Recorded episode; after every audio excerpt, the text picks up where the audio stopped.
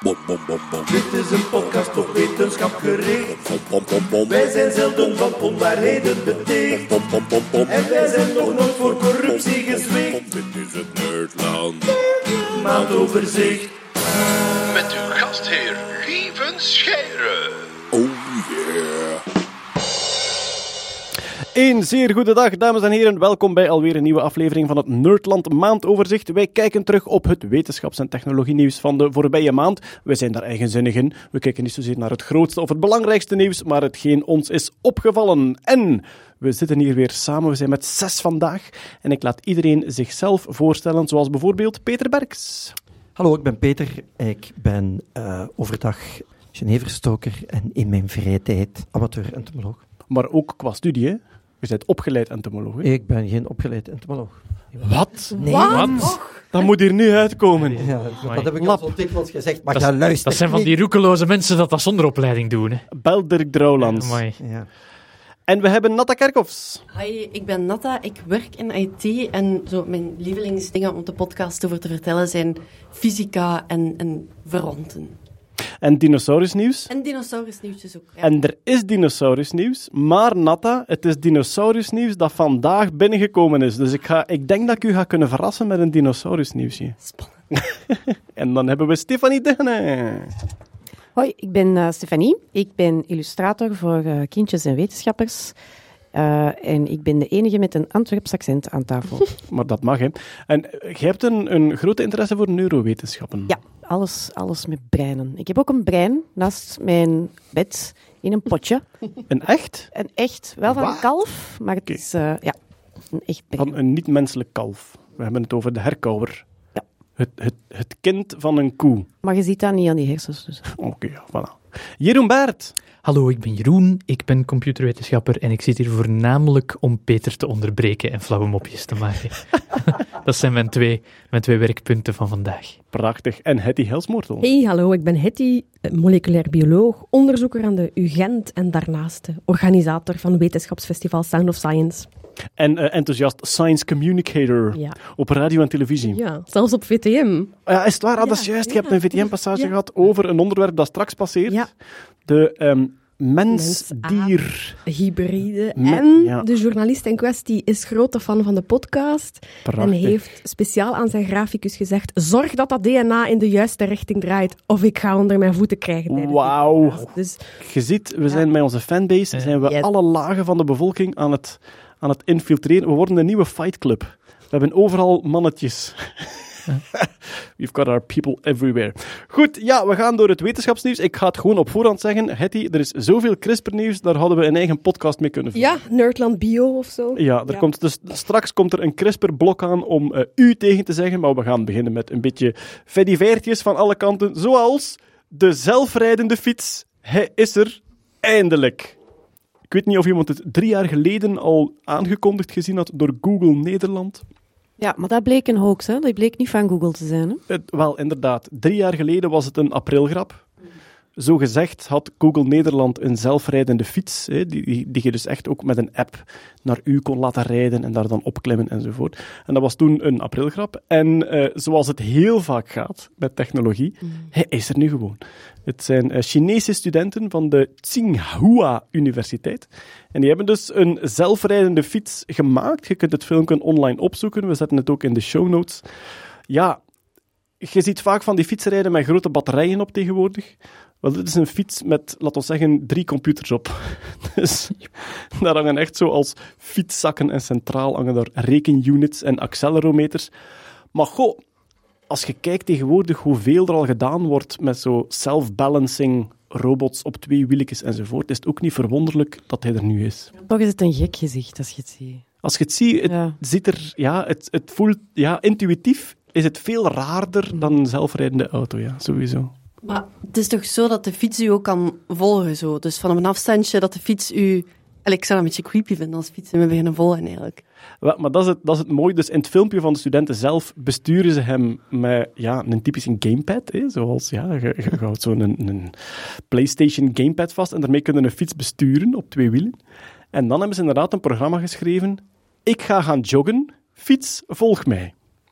En dus die fiets die houdt u in het oog met een camera. En dus jij zegt van, ik ben aan het lopen, maar ja, je weet nooit, hè, na een kilometer of vijf, dat ik het beu ben en dat ik op mijn fiets wil kruipen. Ah, dat is geen probleem, die rijdt gewoon 10, 10 meter achter u. En die heeft ook objectdetectie en die rijdt rond objecten die hij detecteert enzovoort. Ja. Dat zou misschien wel een leuke toepassing zijn voor, voor het, een, een anti-diefstalsysteem. Dat als iemand uw fiets pikt, dat jij kunt overriden en zeggen van nee, nee, kom een keer, kom een keer terug. Rij met de dief naar mij. Ja? Dat moet verschieten zijn, Of hè? rechts naar het politiekantoor. Of als ze die fiets leren zwemmen, kun je zo'n triathlon doen, waarbij dat je al je materiaal constant bij hebt. dus eerst duiken die mannen in het water, dan al die fietsen erachter. Een waterfiets. Een water... Hey. Maar zien ze daar ook een medische toepassing voor? Mensen met, weet ik veel, evenwichtstoornissen opnieuw op twee dat wielen logisch, fietsen? Ja. Ja. Ik heb de indruk op dit moment dat, ze, dat het echt nog in de makerfase zit. Oké. Dus dat, ze echt nog, dat ze nog niet echt denken aan vermarkten of gelijk wat. Je zou ook kunnen denken aan deelfietsen. Dus je hebt tegenwoordig de strooifietsen en de elektrische steps die je overal vindt. Maar stel je voor dat je kunt zeggen, fiets, rij naar mij. Dat zal absoluut nog niet voor morgen zijn en ook niet voor overmorgen. Ik bedoel, eer dat je dat wettelijk erdoor krijgt. De eh, belfiets. ja, maar ja, dan een fiets, dat mag. Maar stel je voor met een app dat je gewoon zegt van, ik wil nu een fiets die naar hier rijdt, en die is daar over vijf minuten. Je zou om een duur bijna zeggen van, je hebt geen fiets meer nodig, want vanaf dat je ergens naartoe wilt, roept er een en die komt naar u gereden. Ja. beeld me ook zo'n beetje in dat je zo van die kuddes fietsen hebt die, zo, die zo op pad gaan, zo in die groep. Maar qua verkeersregels, er moet toch heel veel gecodeerd worden nog van, van algoritmes. Dat is bij de zelfrijdende auto Uiteraard. ook het Dus, grote probleem. hè. Ja. Staat een licht op rood, Ja. mogen die er afslaan, is, waait er een plastieke zak over, of is het een dier dat oversteekt? Ja. Al dat soort inschattingen. Dat is, Ik zou bij Deliveroo gaan werken en die fiets al het werk laten doen. Gewoon zelf in het centrum van de stad gaan zitten. Allee, bon. Voilà, eh, hij bestaat. Je kunt de filmpjes eh, opzoeken. En wat ze er precies mee gaan doen op lange termijn, dat zullen we dan wel horen eens dat ze verder staan. Eh, nog een nieuwsje van vandaag. Het is vandaag eh, 4 augustus, geef ik even mee voor de luisteraars. Een nieuwsje van vandaag. Vandaag is er voor het eerst iemand over het kanaal gevlogen. Ja. Van Frankrijk naar Engeland op een flyboard. En een flyboard is dus min of meer letterlijk Iron Man. Namelijk, je bindt, ik denk, vijf straalmotoren aan je voeten. Dus je hebt een soort blok aan je voeten, waar je je voeten ingespt, zoals in een snowboard. Je steekt die aan en je vliegt tot twee kilometer hoog, zeggen ze. Zonder verbinding met de aarde. Dus geen lijntje naar de aarde of niets. Je vliegt volledig zelfstandig. Tot twee kilometer hoog kunnen gaan. Zij zeggen topsnelheid 200 kilometer per uur. Ik weet niet of dat gezond is. Ja. En die is dus in, als ik me niet vergis, 22 minuten heeft hij de oversteek van het kanaal gemaakt, van Frankrijk naar Engeland, en daar dan gewoon weer zelfstandig geland. Dus zijn tweede poging, moeten we Ja, erbij zeggen. ja. Bij zijn vorige is hij het water gekletst. En hij is eerst aan het publiek voorgesteld op de 14 juillet, eh, Ja. bij, de, bij de Franse eh, militaire Militair, parade. ja. Ja. Want zijn funding komt van...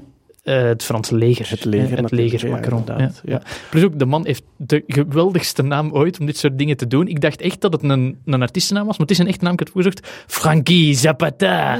Frankie Zapata. Ah, ah, ah.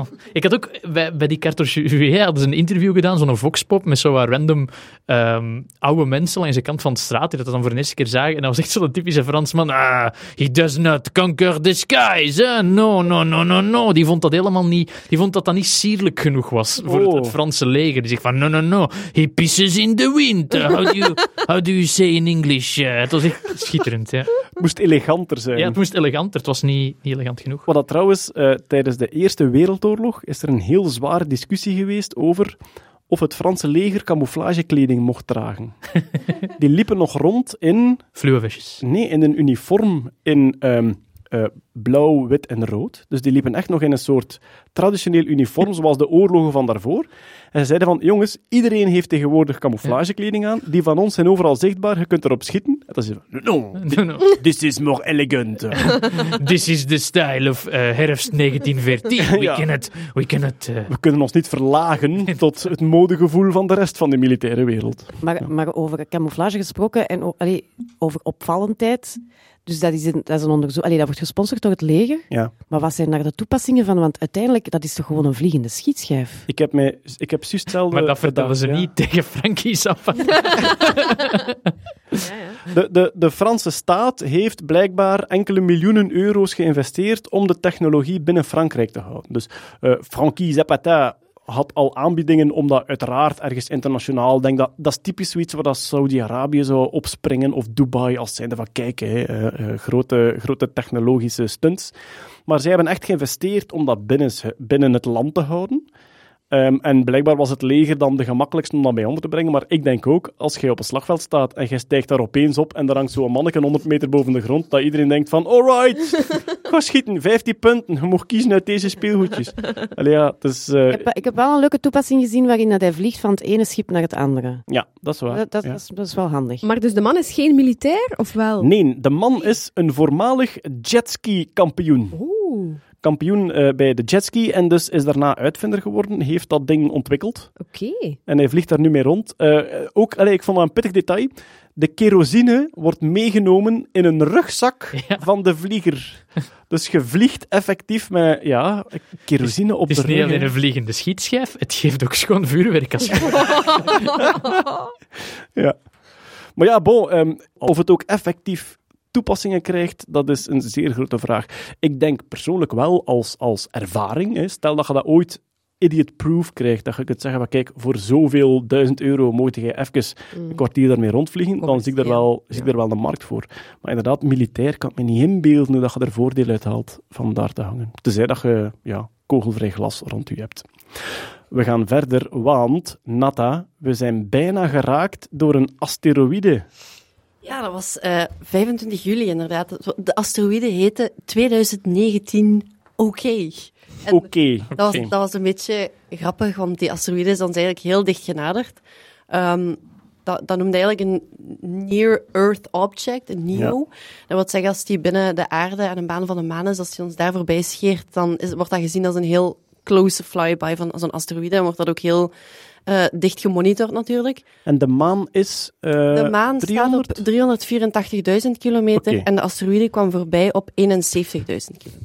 71.000. En dan moet ik daar even bij zeggen, de tv-satellieten, hè, dus de, TV, de, de geostationaire satellieten van de tv, die hangen op 36. Ja. Dus het Ja. is het dubbele.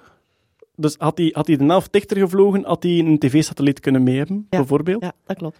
Ehm, nu, als je, het, als je het zuiver statistisch bekijkt, als je een cirkel trekt van 70.000 kilometer straal, en je hebt de straal van de aarde die, ik denk, 6000 is, statistisch gezien is de kans nog altijd, gelukkig, Zeer klein. zeer klein dat die ons raakt. Maar het was toch een beangstigend Het was, het was redelijk beangstigend, vooral ook omdat ze volgens mij maar één dag op voorhand door hadden dat die asteroïde ons zo dicht ging naderen. Dus dat wil zeggen dat we eigenlijk, want dat was een redelijk grote, ze schatten tussen de 60 en de 130 meter, ehm, dat die groot was. En het is eigenlijk, allee, toen ik dat las, dacht ik van maar één dag op voorhand dat we dat hebben gezien, als hij had ingeslagen, had dat behoorlijk veel impact gehad. Dan, dan zou echt, het zou een stad kunnen wegvegen als zo'n stad zo. Dat klopt. Als die, valt, als die valt op Gent of op Brussel, dan is die stad volledig Dan weg. is het gedaan. Dat is een beetje Tunguska. Hè. Tunguska was in 1918 of ergens daar in de Ja. buurt. eh zware meteoriet in Siberië. Natuurlijk ook alweer, als die inslaat op de aarde, is de kans alweer geweldig klein dat die net op, Op een stad, ja. een stad Maar we hebben het gezien in 2013 in, ehm, ik wil het uitspreken, maar het is een boerengaan in Rusland, Tchetchelablinsk. Ja, dat, Ja. Waren, dat waren keiveel eh filmpjes. En daar waren toen ja. filmpjes over Ja. die vuurbal en die asteroïde is toen ontploft ehm, boven het aardoppervlak zelf. En hij heeft, die was 17 meter maar in doorsnede, dus dat was eigenlijk een redelijk kleintje. En er zijn toen 1200 mensen voor naar het ziekenhuis kunnen gaan voor een glas dat overal gesprongen was. En De reden dat er zoveel filmpjes van waren, is omdat al die Russen verslaafd zijn aan zo van die dashcamera's. Zo, omdat iedereen rijdt daar gelijk een zot. Dus er hadden keiveel mensen dat opgenomen van, oh, Zuska. Nee, ik ga mijn Russisch accent niet doen. Maar de kans is dus inderdaad, allee, het is heel klein, maar dat wordt wel heel close gemonitord door eh, bepaalde agencies, wordt daar echt wel in de gaten gehouden. En ze tracken ook al die objecten, ik weet, het zijn er een paar duizend volgens mij, die ze zo tracken en kijken van wanneer zou eentje mogelijk kunnen Is, instaan. is er een plan dat niet inhoudt om de synopsis van Armageddon lachend op te zoeken? Er is, eh, er is drie maanden geleden nog een internationale conferentie geweest over wat gaan we doen Ja. als we heen zien afkomen. Het probleem is, allee, het probleem is, dus we spreken hier over 100 meter nog iets. Wat wil dat zeggen? Als die inslaat op bewoond gebied, heb je effectief een verwoesting ter grootte van een kleine provincie. En dan moet je een beetje chance hebben. Eh, Like Tunguska was een gigantisch gebied, maar ik denk één dode. Een Ja, schaap. een herder. Een Ja, herder, ja, voilà. Maar als die natuurlijk inslaat op Vlaanderen of op New York of gelijk wat, dan is dat, maar echt waar, dan is dat een internationale catastrofe. Het zou, het zou een krater slaan van... Nee, het zou een drukgolf veroorzaken die alles in een omtrek van 30 tot 50 kilometer zou platgooien. 30, 50. Dus hè, als je in Vlaanderen een keer Behoorlijk. kijkt, als Ja. je een keer cirkeltjes trekt van 30, 50 kilometer, je komt die net onder tegen. Natuurlijk, als dat midden in de oceaan inslaat, misschien een tsunami, eh, eh, ja, dat weet ik niet. Nee. Maar eh, je hebt het dan over die van, die van 100 meter enzovoort. Die conferentie ging over wereldvernietigende inslagen. En dan denk ik dat je 800 meter of hoger zit, zoiets. Mhm. En bij de wereldvernietigende inslagen komt het er nu op neer dat als ze ze twee of drie jaar op voorhand zien, is er een plan. Maar Ja. ja, dit was één dag. En wel, maar hoe maar dat groter is... natuurlijk, hoe makkelijker ze ook Ja. te spotten zijn. Voilà, dus daar speelt heel veel in mee. Inderdaad, hoe groter dat ze zijn, hoe gemakkelijker dat je ze ziet. Maar hoe wordt zo'n object gemonitord? Je trekt altijd maar foto's van de sterrenhemel Mhm. en je zoekt naar puntjes die bewegen. En die puntjes die bewegen, dat zijn dan inderdaad de asteroïden. Maar er bestaan ook puntjes van asteroïden die niet bewegen. Namelijk Die die recht Groot af- die die recht naar je toe komen. ja, ja. Dus die die het gevaarlijkst zijn... Zie je niet? Nee, dat is het. Die die het gevaarlijkst zijn, zijn het moeilijkst te zien. Natuurlijk, je kunt wel voorspellen in een baan dat er, iemand naar u, dat er eentje naar u komt. Ja. En die baan kun je wel jaren op voorhand voorspellen. En die, die bewegen wel. Maar nog een extra bij deze is, hij kwam recht vanuit de richting van de zon. Ja. Dus de glare van de zon inderdaad zorgde ervoor dat we die ook niet konden zien.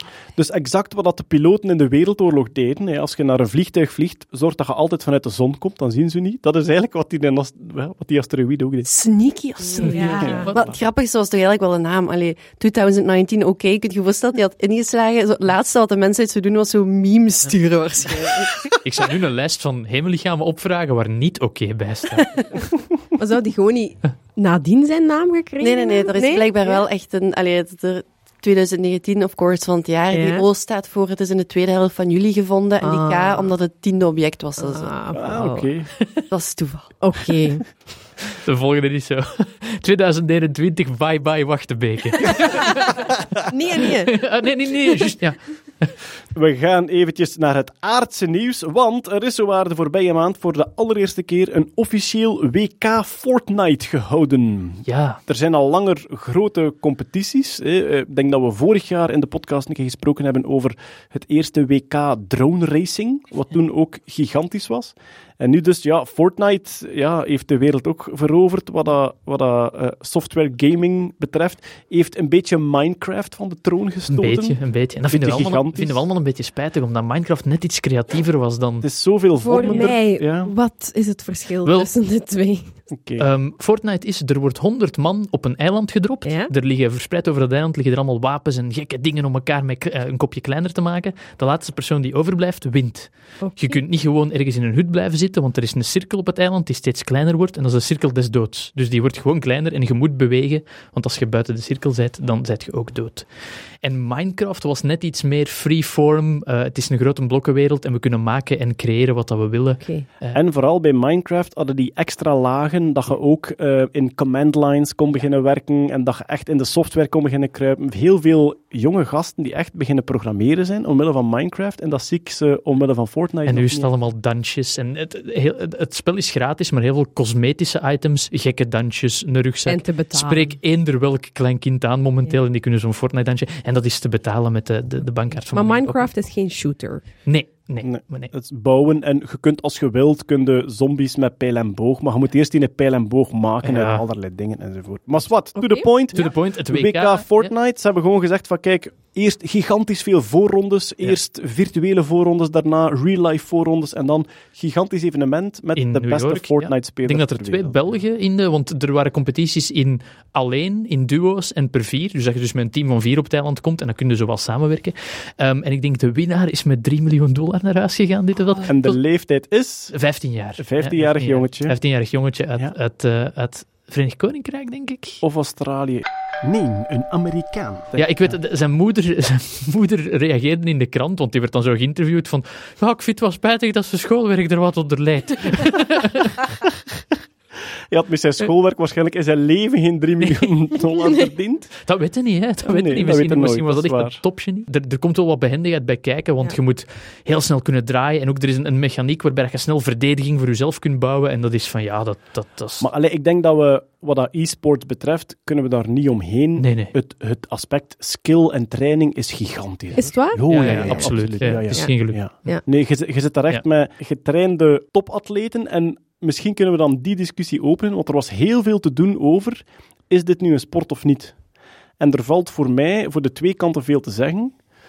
Je merkte heel hard in de reacties in de kranten dat iedereen het een beetje beoordeelde vanuit zijn eigen ideologie. Er was iemand van de Vlaamse gemeenschap, van de sportdienst, die reageerde en die zegt van kijk, voor ons is sport gaat over gezondheid en mensen verbinden en daar valt dit niet onder. Snap ik. Snap ik. Maar ik denk als, als snooker en darts Ja. sporten zijn, dan is dit het absoluut. Want wat je nodig hebt van coördinatie en van training en, en, en van skills en zo, komt, ziet- daar, allee, komt er wel in de fanatiek buurt. dat mensen ermee bezig zijn. Als het bedrijf dat dat spel uitbrengt eh, ergens de, de, de schade van een wapen vermindert met één punt, dan zijn er volledige theorieën die geschreven worden die van nee, dat, dat verplaatst de hele meta. Dus het meta, het spel boven het spel, van welke wapens verzamelt je het best? Wat is de beste strategie in deze minuut? Er hangt zoveel rond dat ook, ja, dat is strategie. waar je het ook draait Strategisch, verkeerd. ja. Eh, er, is iets, er is iets vrij eh, uniek aan ehm, computergaming als e-sport, zijnde eigenlijk vanaf dat je ouder bent dan 20, win je dan niet meer. Nee, En daar is nu redelijk veel debat over, als zijnde, in hoeverre is dat een bias omwille van interesse, hè? als zijnde dat tieners daar zich heel hard op focussen. Trouwens, om dat even te duiden, er zijn, zeker in Aziatische landen en in Thailand enzovoort, zijn er echt gewoon tieners die zich aansluiten en die dus naar een school gaan, die hen de vrijheid geeft om zes, zeven, acht uur per dag dat spel te trainen. Ja. Dus die zitten dan met vijf in een huis en die zijn eigenlijk voornamelijk bezig met trainen op een game. En dan zorgen ze dat ze, daar, dat ze in de overige tijd nog net genoeg doen voor het school om ook legaal te zijn. Maar dus, er zijn, enerzijds kunnen zeggen van ja, er is een soort bias naar tieners dat die zich daarop focussen. Anderzijds is er een effectieve anatomische theorie dat uw muscle memory en de snelheid van uw spieren in uitvoering, ik bedoel, ja, je hebt een gamepad vast en het komt echt aan op millimeters dat je beweegt.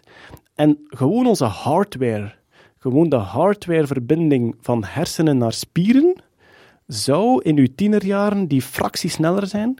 En die snelheid zouden eigenlijk langzaamaan verliezen vanaf uw 20, waardoor dat onmogelijk wordt voor iemand ouder dan 20 om die gamecompetities te winnen. To- Want ja, je kunt je nu wel voorstellen, je hoort 3 miljoen dollar, dat je denkt van, alright, Ik begin, er, zetten, ik ja. begin er morgen aan. Maar waarschijnlijk is het te laat. Waar komt dat gigantisch prijzengeld vandaan? Zijn Eh, dat bedrijf zelf. Dat bedrijf dat, zelf. bedrijf zelf, dat rolt echt in het geld van al die. Want Ja. dat is ja 4 euro voor een dansje. Het telt Ja. snel op hoor. Ja. Dat dat bedrijf is, ja, is schatrijk. En die, die investeren dat terug. Eh, Het, over die reacties nog gesproken. Het, het verschil tussen de, de snelste gamers halen een photon to motion. Dat is dus van iets zien op een scherm. Dat in je brein opnemen, visuele cortex, alles door. Tot een beweging van de hand. Die komen op 300 milliseconden. Wat dat het abso, abso, absolute snelste is. Dat je gewoon fysiek kunt geraken. Die, die scheren daar heel dicht tegen. Dat op zich is gewoon al totaal, totaal wakko. Dat is een gigantische discussie geweest. Bij, dus je hebt, je hebt net hetzelfde bij de valse start bij de sprint. Hè. Dus bij de valse start bij de sprint, ehm, er, er zit een druksensor in je startblok. Dus als Ja. je als sprinter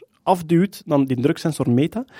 En een valse start is niet dat jij afdrukt voor het startschot, maar is dat jij afdrukt binnen de zoveel honderden milliseconden na het startschot, omdat zij vinden dat dat anatomisch niet mogelijk is. Ah ja. En daar zijn al hele zware discussies en zelfs rechtszaken over geweest van iemand die zegt van ja, kijk, sorry, mijn brein werkt zodanig goed, ik kan tussen geluid en duwen, ik kan zo rap reageren. En dus 300 milliseconden is het bij de gamers. Ik weet niet juist wat dat is bij de, ja, bij de, bij de startblokken. Nog één ding, er is heel veel over geschreven. En wat er dan altijd weer opduikt, is de discussie over hoe schrijf je e-sports. Ah ja, de, de, de sp- precieze spelling. Ja. Ja. Schrijft je E-sports of schrijft je het aan elkaar? En als je het aan elkaar schrijft, geef je dan een hoofdletter S of niet? Oh, het, is beschamend, maar ik weet het niet. Ik zou i-sport schrijven. Oké, dus om te beginnen, ik weet het niet, maakt vind ik niet uit, omdat het is open. Het is open voor debat, het staat nog niet in de officiële woordenboeken en het is eigenlijk nog niet officieel beslist. In Amerika is er een soort consensus gekomen. We schrijven het aan elkaar zonder hoofdletters. E-sports aan elkaar. Waarom? omdat ze in Amerika ook e-mail bijvoorbeeld aan elkaar schrijven zonder hoofdletters. Zijn we, kijk, laten we consequent zijn. En wat, wat, wat die schrijfwijze wel heel veel ehm, gezagsargument gegeven heeft, is dat de Associated Press hebben beslist, we gaan dat zo schrijven. Als een soort officiële beslissing. Maar het is nog niet taalkundig beslist. Het ding is, in het Nederlands schrijven wij e-mail wel met een deelteken. Dus zijn er heel veel argumenten om te zeggen, bij ons gaan we wel e-sports met een deelteken schrijven. En in de Vlaamse kranten stond het ook zo geschreven. En er kwamen heel veel reacties van Vlaamse redditors, die dan natuurlijk pedant komen doen en zeggen van sorry, maar er is eigenlijk beslist dat we dat zonder deelteken kunnen schrijven. Maar je kunt dan alweer, je kunt metapedant doen door te zeggen niets van. In het Nederlands schrijf je e-mail wel met een deelteken. Dus denk dat we blij mogen zijn dat er iets in de krant stond, laat ik het zo zeggen. maar dat klopt wel. Ja, ja. Iets in de krant is, is dat in de Tonight Show ook, hè, de Ah. winnaar. Ja, ja, absoluut. Er is heel veel aandacht geweest. Ja, voor ik, maar ik had het over, over de kranten hier bedoel ik. Want er was ook, Ja, ja, maar ja. Dat, dat heeft zijn publiek wel. Je moet dat niet Ja, op Sporza uitzenden. Ja, nee, Ja. maar ja, die kijken wel online. Voilà. En ik weet trouwens niet in hoeverre dat, dat op tv boeiend is om te volgen, zo'n e-sport. Wel, dat, dat, dat is nog een hele... Ik, ik wil het niet te lang trekken, maar dat is nog een hele circus er rond. Die commentators van online spelletje. Bijvoorbeeld in, in België hebben we eh Shocks, eh Eefje, haar een naam dat is ontgaat juist mij. een van de grootste... Een van de grootste ter wereld. commentatoren ter wereld. Ja. Dat is gewoon een Belgische, maar hier kent niemand die. Ehm, het, het, op het juiste moment, het juiste beeld, want je hebt natuurlijk honderd verschillende beelden van honderd Ja. mensen die bezig zijn. Op het juiste moment te wisselen tussen die camera's is op zich al een, een, een kunst op zich. En dat goed becommentariëren, dat duidelijk maken, want het is een spel, dat zijn honderd mensen die een unieke beleving hebben. Vertaal dat maar eens naar één, één verslag live. Dat is... eh, Maar wat je ook hebt, want ik heb op, op Facts, hè, de Factsbeurs hier in Gent, heb je altijd ook een e-sports eh, hoekske, waar dat ze tegen elkaar zitten spelen. Ik ben daar één keer gaan kijken. En wat dat je hebt bij die topspelers is, als die in een first-person shooter zitten, die gaan heel snel van links naar rechts. Ja. Omdat, ja, die zijn er gewoon op getraind om alles te zien. En dus je hebt, je hebt geen steady beeld. Je hebt gewoon een beeld dat constant links, rechts, links, rechts gaat. En met, met dat snel hoofd van hen registreren die alles. Maar dat is gewoon niet te volgen Nee, als, nee, nee. als toeschouwer. Meestal worden er met een derde persoonscamera gewerkt of worden worden er op hotspots op de kaart, omdat ze weten van daar is het vaak bakkeleien. Ja, Eh, ja, daar staan al wat virtuele camera's klaar Ja. om, eh, om te kijken. En is dat altijd hetzelfde eiland? Dat is altijd hetzelfde eiland, maar om de zoveel weken ehm, is er eens een ander deel in sneeuw of is er een woestijn of ze, ze, ze smijten er wel iets over. Ze werken in seizoenen. Ze werken hè. in seizoenen, ja. Dus om de zoveel tijd heb je een nieuw season. En dat is altijd een, een, een, ja, een hot topic van oeh, wat gaat er gebeuren in het nieuw season. Seizoen 10 heeft robots, zet die. Oh. Robots. Waar dat je met twee in kunt. Maar ik denk zelfs, ik ben niet zeker, maar ik denk dat de naam daarvan komt. Hè. Fortnite is 14 dagen. Een fortnight is eh, Ja, Engels ja, voor twee weken. En ik denk dat ze om de twee weken wisselen van, van seizoen. Ben niet Ik zeker. denk dat het langer is, maar, Is het los daarvan. Oké. Ja. We, we krijgen vast e-mails. We Dat- krijgen sowieso e-mail. Dat zeggen we er nu bij. hè. Dus als mensen ons willen eh, mailen met aanvullingen, want wij weten verre van alles, zeker niet over dit soort youngster topics. Dus als je ons wilt aanvullen, met heel veel plezier, je kunt mailen naar podcast.nerdland.be en eh, dan lezen wij dat zeer graag. Eh, trouwens, gek genoeg, of dat een bepaalde sport op tv uitzendbaar is of niet, is geweldig belangrijk in haar populariteit op lange termijn. Zoals oriëntatieloop, hè? zo in het bos lopen met een kompas en zo ergens gaan prikken. Nee, oriëntatieloop is een geweldig populaire sport. Alleen gaat nooit Olympisch worden, wegens niet uitzendbaar. Waar gaat in godsnaam uw camera zetten in een bos om dat in beeld te brengen? Om dezelfde reden is de pingpongbal van het pingpongspel is die een aantal jaar geleden groter gemaakt. Zodanig dat de camera die kon zien. Dat die trager vloog en dat die zichtbaar was. Enkel en alleen maar voor tv hebben ze de regels aangepast. Omdat het zodanig meespeelt in de populariteit. Eenzelfde anekdote, daarom zijn de tennisballen Ja. geel. Is het echt, ja? En dat komt door meneer Attenborough. Die was vroeger eh, een of andere manager in, in, op de BBC en die was verantwoordelijk voor het in beeld brengen van onder andere Wimbledon. Ja. En die besliste van, toen waren de balkjes nog wit. En hij zei, dat komt niet zo goed uit. En hij heeft toen gevraagd van, kunnen we die geen andere kleur geven? En zijn die geel geworden. Allee. Yes. Prachtig. Dankjewel daarvoor, Peter. Graag gedaan. We gaan eventjes terug naar de ruimte, want we hebben een nieuw soort hemellichaam. We hebben sowieso al sterren, we hebben planeten en we hebben manen. Maar misschien hebben we binnenkort ook planen. Ja, het is een vrije vertaling van het Engels. Ik moet eigenlijk zeggen planets. Planets, ja. Planets. Het was denk ik als een exomaan eh, beslist van, ik ben geen exomaan meer, ik ga, ik ga solo. Ja, dus om het even concreet te maken, een maan draait rond een planeet, maar wat blijkt uit simulaties? Het is zeer goed mogelijk dat een maan door de zwaartekracht van de ster losgetrokken wordt van haar planeet en dus plotseling, in plaats van een baan rond een planeet, plotseling terechtkomt in een baan rond de ster. En dan is die technisch opeens een planeet geworden. Maar zij was oorspronkelijk een maan. En dus hebben ze in het Engels beslist, we gaan dat Plunits Plunits. de, ja, de planet moon, en moon. moon Planet. En de simulatie kwam, ik vind dat wel wonderlijk in de sterrenkunde. Je hebt heel vaak zo, ja, dat er heel hard doorgerekend wordt van wat als. Er worden de laatste jaren gigantisch veel exoplaneten gevonden, hè, dus planeten rond andere sterren dan de zon. En er is een theorie dat hele grote planeten, de grootte van Jupiter, dat die in bepaalde omstandigheden steeds dichter bij de ster terecht kunnen komen. En in die omstandigheden zouden bepaalde manen losgetrokken worden van die planeet. Toen dachten ze, we hebben een nieuw woord nodig, plunits. Ik zei daarnet ehm planeten, Ja, maan- Planen. Planen. planen of maaneten. Maaneten, Wel, ja. de reden dat ik het open laat is, het is nog niet beslist. Dus plunits wordt Wordt nu in deze maand gesponsord door de taalunie? Ja, Het is- ja waarschijnlijk. Pa- Pas op, eh, eh, afgaande op eh, de kwaliteit van ons Nederlands rond deze, deze tafel, denk ik niet dat ze fans zijn. Maar, ehm Allee, allee, jongen. Allah, was ik die gaan. Allah. Ja, in het Engels is het plunits en het ligt nu een beetje open in het Nederlands. Eh, Planen of maneten, of eh, ja, we kunnen eigenlijk nog kiezen. Daar zit toch een kinderboek in, Stefanie? Over, over een maan die denkt, ik ga solo. Ik heb u niet nodig, jongen. Ik al aan het opscheuren. Ja, Ik kan het wel alleen. Alright, maar eh, enkel theoretisch voorspeld. We zullen zien of dat ze eh, ooit binnenkort waargenomen worden. Het is ook heel moeilijk om waar te nemen. En stel dat ze ooit een exoplaneet waarnemen die vroeger een maan geweest is, is er bijna geen manier om Mhm. zeker te zijn dat die ooit een maan geweest is. Maar we hebben er al een woord voor, hè? Voilà, dat is, dat is belangrijk. Als er een woord voor is, dan bestaat het. Verder, we gaan proberen om organen te printen in de ruimte. Eh, hoort dit weer onder de vaandel van voor alles een eerste keer in de ruimte? Op zich wel, maar het is niet echt gimmicky. Oh. Organen printen, daar is al een tijdje sprake van. Hè? Ja. En dat gaat dan, als ik me niet vergis, over stamcellen maken. En, en die, ehm, ik geloof dat de grootste conclusie van de laatste jaren is, je moet ze niet alleen op elkaar leggen, je moet ze ook in de juiste structuur... Matrix-achtige structuur. Ja, ik volg het niet zo heel har- hard, dus eh, verbaas mij. Maar er worden dus inderdaad zo structuren geprint en als je dat zo samenlegt, dan Mhm. vormen daar nieuwe organen uit. Een van de belangrijkste conclusies was, de zwaartekracht maakt het ons heel moeilijk Mm. omdat alles in 2D getrokken wordt. Maar als je natuurlijk in TSS hangt, in microgravity, dan kun je met een 3D-printer niet in 2D printen, maar kun je heel duidelijk in 3D structuren samensteken van stamcellen.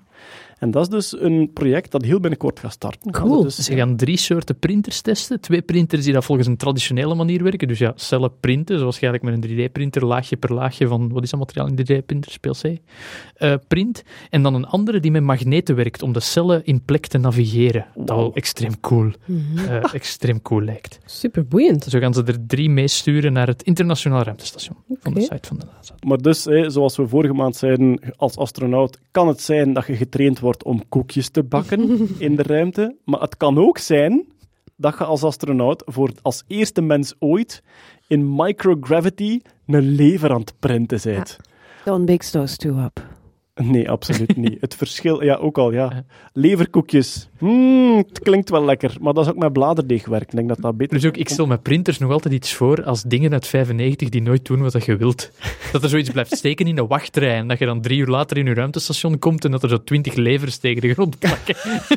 Ah. Ja, en dan zo openklikken, dubbelklikken op printer, alle organen annuleren. Gelijk de paper jam, maar dan met levers. Zo, allee. Bloedkaartretjes op. Ja. Ja, en die kost dan natuurlijk 300 Ja, dollar, want ja, de printer was goedkoop, Ja, ja, wel. maar de Maar bloedkaartret je die kunt, dat was zelf, duur. je kunt dat zelf bijvullen met... eh Eh, nog een ruimteprojectje trouwens. Eh, het is een Vlaams initiatief. Ze gaan maangrond in de ruimte sturen, ook in TSS, om te proberen om daar maangrondlandbouw op mogelijk te maken. En we gaan even terug naar de film The Martian, ja. waar dus ja, een man achterblijft op Mars, hè, fictiefilm, die dan probeert om aardappels te kweken in marsgrond, maar dat eerst moet bevruchten en dan, dan met mest probeert enzovoort. Ja. Het is eigenlijk letterlijk dat. Topfilm over kak, The Martian. Ik geef het maar even mee. En Ik heb, patatten. ik, heb een, allez, ik ga een lijstje maken met topfilms over kak, The Martian. Staat erin. dat is een rubriek voor volgende keer. Sorry. Topfilms over. Topfilms ja. over kak. Ja, We zullen. Fokke van der Meulen uitnodigen. Ja, die daar sowieso ook heel veel over, eh, over kan zeggen. Geweldige film. Geweldige film. Ik kan een beetje meer kak gebruiken. Nee. Maar, maar dan gaan ze dus... Wacht, ze gaan maangrond, die dat ze dan eerst van de maan hebben gehaald, naar de aarde en nu terug meesturen met die Ah, wel nee, het is, het, is, het is nog gecompliceerder. Maangrond, we hebben redelijk wat maangrond op aarde. Van die maar- astronauten dat hun voeten niet geveegd hebben. Ja, sowieso. Ja. Ja. Maar die is nog altijd te duur om daar zomaar kak door te mengen. dus wat hebben ze gedaan? Er zijn veel dingen te duur om kak door te mengen. Ja. Blijkbaar. Maar wat hebben ze gedaan? Op basis van die maangrond die bestudeerd is, hebben ze met aardse mineralen maangrond nagemaakt. Ah. En die dan compleet gesteriliseerd. En de bedoeling is om die mee te sturen naar het ISS en om die dan proberen vruchtbaar te maken door daar microbieel leven aan toe te voegen. En de grote vraag is, welke microben en bacteriën hechten zich in zero gravity goed aan die mineralen en welke niet? Dat willen ze bestuderen eigenlijk. Dat zijn onderzoeken die vrij weinig in de media komen, maar dat is waarschijnlijk het team van Nathalie Leijs ook dat daarmee bezig is. We hebben die onlangs uitgenodigd op een teambuilding van ons. Die kan waanzinnige verhalen vertellen. Die is onder andere eh, naar Amerika gegaan om met de Falcon, met een van de SpaceX-raketten, ook iets in de lucht te sturen. Dus die zijn met waanzinnig coole dingen bezig. Maar dan- dat is bij het SCK, denk ik, Centrum voor Kernenergie. Ja, Dit, daar was dit, En, dit is het SCK en de projectcoördinator is Rob van Hout. in Mol. Voilà. Ja, maar eh, dat is echt eh, zeer boeiend om te volgen. En Nathalie Leijs wordt ook gequote. Dus je Voilà. zit gewoon keihard op Voilà. microbioloog Nathalie Ja. Leijs. Ja. dat is Echt cool. goed. Een naam die we gaan onthouden. Je hebt, Zeker. je hebt hetzelfde met, met Angelique van Ombergen, die nu in de ESA onderzoek doet naar ehm, zeer lange ruimtereizen. Ja. En dan gaat het over Marsreizen of nog verder. Ja.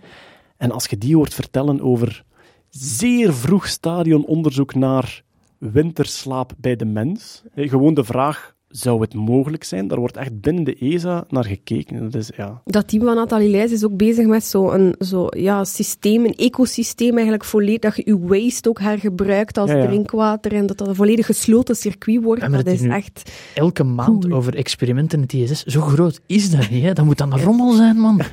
Dus ook, ja, maar gewoon ook puur die planning van dinsdag voormiddag is het organen printen, dinsdagmiddag koekjes bakken, eh dinsdagnamiddag eh kak met maangrond Maar mengen. dat is, vertelde dat is zij ook echt over die lancering. Hè. Je krijgt bepaalde slots, hè. Ja. dat wordt dan ook uitgesteld. Maar inderdaad, ook in het ISS sprak zij over, goed, ja, je moet een experiment op anderhalve dag, ik zeg maar iets, eh, uitdenken. Mislukt het, ja, bon, dan, dan, moet is het je, dan moet je drie jaar wachten voordat je nog een keer de lucht ja. in mocht. Dat is echt, dat is echt fascinerend. ja, ik kan me voorstellen dat de tijd die je hebt op ISS, dat die very, very Ja. limited Dus je moet al heel zeker zijn van je experiment op aarde voordat je echt eh, Ja, besluit om dat de lucht in te Ik sturen. zie die, die astronauten er al zitten. Dat staat niet op prikbord. dat gaat niet. ook echt heel administratief Ja, is. ja. Dat is niet, dat is niet formuleerd. Nee, ja. Beetje gelijk de gemeente. Ja. Heb jij de C34 al ingevuld, meneer? nee. Toch niet? Sorry, deze zaal is gereserveerd om koekjes te bakken. Je kunt hier nu niet shotten. Dat gaat niet. Maar er is toch plaats genoeg om te shotten? Nee, dat gaat niet. Dan niet op papier. Computer says no. Eh, trouwens, eh, maangrondlandbouw, hè, dus maangrond is al wetenschappelijk onderzocht, de samenstelling daarvan is bekend. Eh, marsgrondlandbouw is natuurlijk ook een topic. En het moeilijke is dat we marsgrond enkel zeer onrechtstreeks kennen door de waarnemingen van de rovers en de dingen die daar rondrijden. En dat is echt een hot topic in de experimentele wetenschap op aarde. Proberen om marsgrond na te maken. Op basis van wat we kennen van de specs. Of dat we kunnen met aardse mineralen marsgrond namaken. En dan ook onderzoeken of dat we dat vruchtbaar kunnen krijgen. Of dingen met 3D-printen, hè, wordt ook voor de maan onderzocht. Kunnen we met het stof van de maan gebouwen maken door daar lijm aan toe te voegen en daar muren van te printen enzovoort. Heel cynisch ook, omdat al die rovers en robotjes uiteindelijk gewoon bedolven onder, onder, onder marsgrond en marsstof. Ja, ze sterven meestal sterven aan het meestal stof. aan het Ja, stof, Ja, ja. dat klopt, ja. Goed, we hadden het al aangekondigd, maar het is zover. De CRISPR-blok. Hetty, we zijn overspoeld gewoon. Het is eh, waanzin. Ja. We gaan eens kijken. Wat is dat? Ik hoop dat er een jingle is.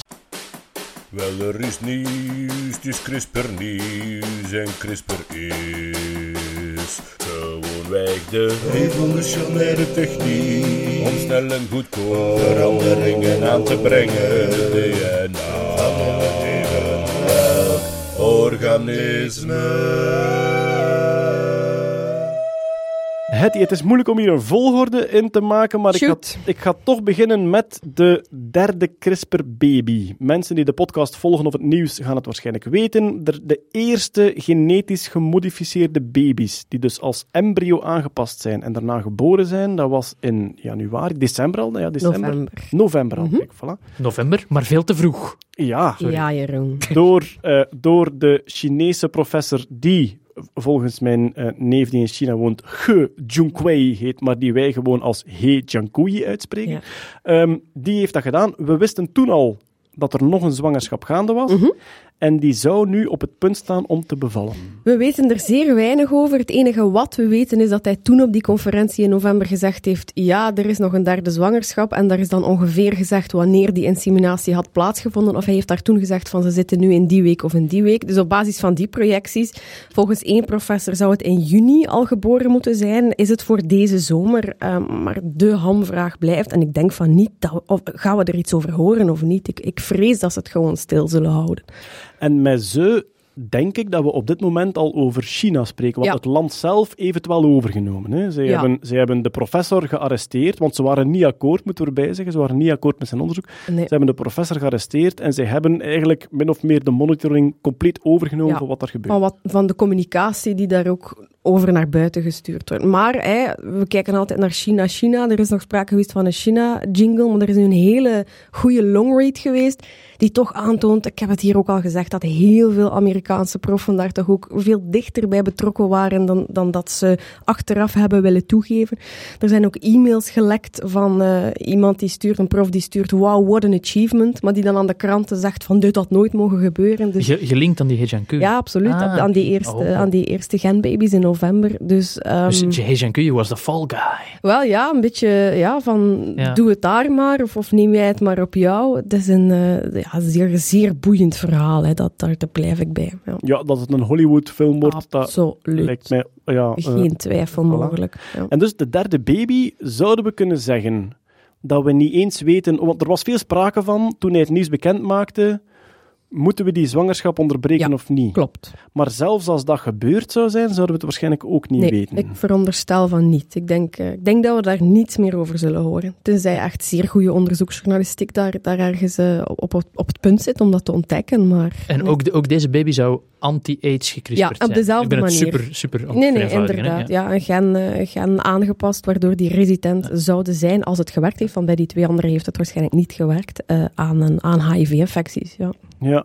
Dus eigenlijk samengevat kunnen we zeggen, afgaande op zijn uitspraken in november, die we wel geloofwaardig Mhm, vinden, mhm. was er een derde zwangerschap die nu ongeveer geboren zou moeten Ja. worden. Maar alles wordt zodanig afgeschermd. ja, klopt. Oké, de toekomst zal eh, uitwijzen wat er precies aan de hand was. Maar de eh, World Health Organization heeft nu wel goh, een officiële ban uitgesproken als zijnde het is voor ons internationaal verboden om te crisperen op de mens. Ja.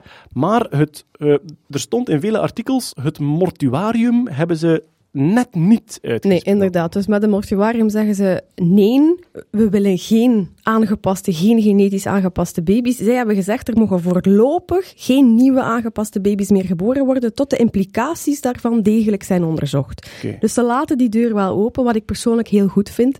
Ehm, er is ooit vroeger ook zeer vaak gesteld, ehm, de techniek moet veilig zijn, ze moet effectief zijn, hè, ze moet echt werken en er moet een medische noodzaak zijn. Binnen die expertencommissie willen ze dat nu echt veel duidelijker maken. Hoe bepaal je dat? Want volgens He Jiankui was de techniek veilig en effectief en was er een medische noodzaak. Dus er moeten gewoon duidelijkere richtlijnen komen van hoe interpreteer je dat, wie bepaalt dat. Ehm, maar ze hebben een ban uitgesproken, dus ze vragen aan de regionale autoriteiten om daar rekening mee te houden. Dat is natuurlijk geen wet. En dat is Ja. ook weer de zwakte ervan. Dat blijft een, een advies. Ehm, maar op dit moment allee, zeggen alle, alle experts, iemand die het nu nog doet, kan niet zeggen dat hij het niet wist. Dat is een beetje de stok achter de deur, maar wat er in illegale of legale privéklinieken gebeurt, daar, ja, goed, ja, daar zullen we nooit controle over hebben. Ik natuurlijk. dacht ook dat in Rusland meestal Ja. het WHO niet zo eh, Nee, wel. gezagsvol Ja, genomen en er is nu een Rus, we hebben het er vorige keer over gehad. Hij wou ook nieuwe HIV-baby's maken. Hè, dat de medische noodzaak daar anders was, omdat de moeder daar besmet was. Hij wil nu ook van koppels die doof zijn, dus die een genetische vorm van doofheid hebben en die eigenlijk alleen maar een doof kind zouden kunnen krijgen. Hij is nu een aantal koppels aan het recruteren die willen een horend kind krijgen door één bepaald gen aan te passen. Dus Rusland is... ehm, Maar in Rusland valt het advies in Dovermans oor. Maar ik vind dat wel, ik vind dat razend interessante Dat is zo. topics. Omdat Ja. het is duidelijk, allee, voor mij, goh ja, duidelijk, ik ben aan het interpreteren, hè, maar mij lijkt het alsof die mensen willen dat doen uit een soort pioniersrol en dan zoeken ze uit een soort rationalisering naar medische noodzaak. Mhm. Maar los daarvan is het, valt er wel iets voor te zeggen. Als het, ja. als het veilig is en je weet dat, het, je weet dat er weinig risico is op Ja. complicaties, als je dan zegt van kijk, wij kunnen dat nu herstellen, enkel dat, Ja. en je hebt een horend kind, dan ben ik toch geneigd om te zeggen, waarom niet? Maar de bottom line, we zijn nog niet zeker dat het veilig Voilà. kan. We het is Ja. te vroeg, hè, zoals Jeroen het ook net zei. Maar ook, ook de WHO sluit het duidelijk niet uit. Ja. Ehm, En dan komen we terug op Amerika. Je zegt net van Amerikaanse profs die blijkbaar publiek het afgebrand hebben, maar in persoonlijke mails naar He dan toch zeiden van Mhm. wauw, mijlpaal. Ik, ja, ik hoor toch ook veel waaien over vanuit Silicon Valley, hè, typisch de streek waar dat ze zeggen move fast and break things and try first and apologize later.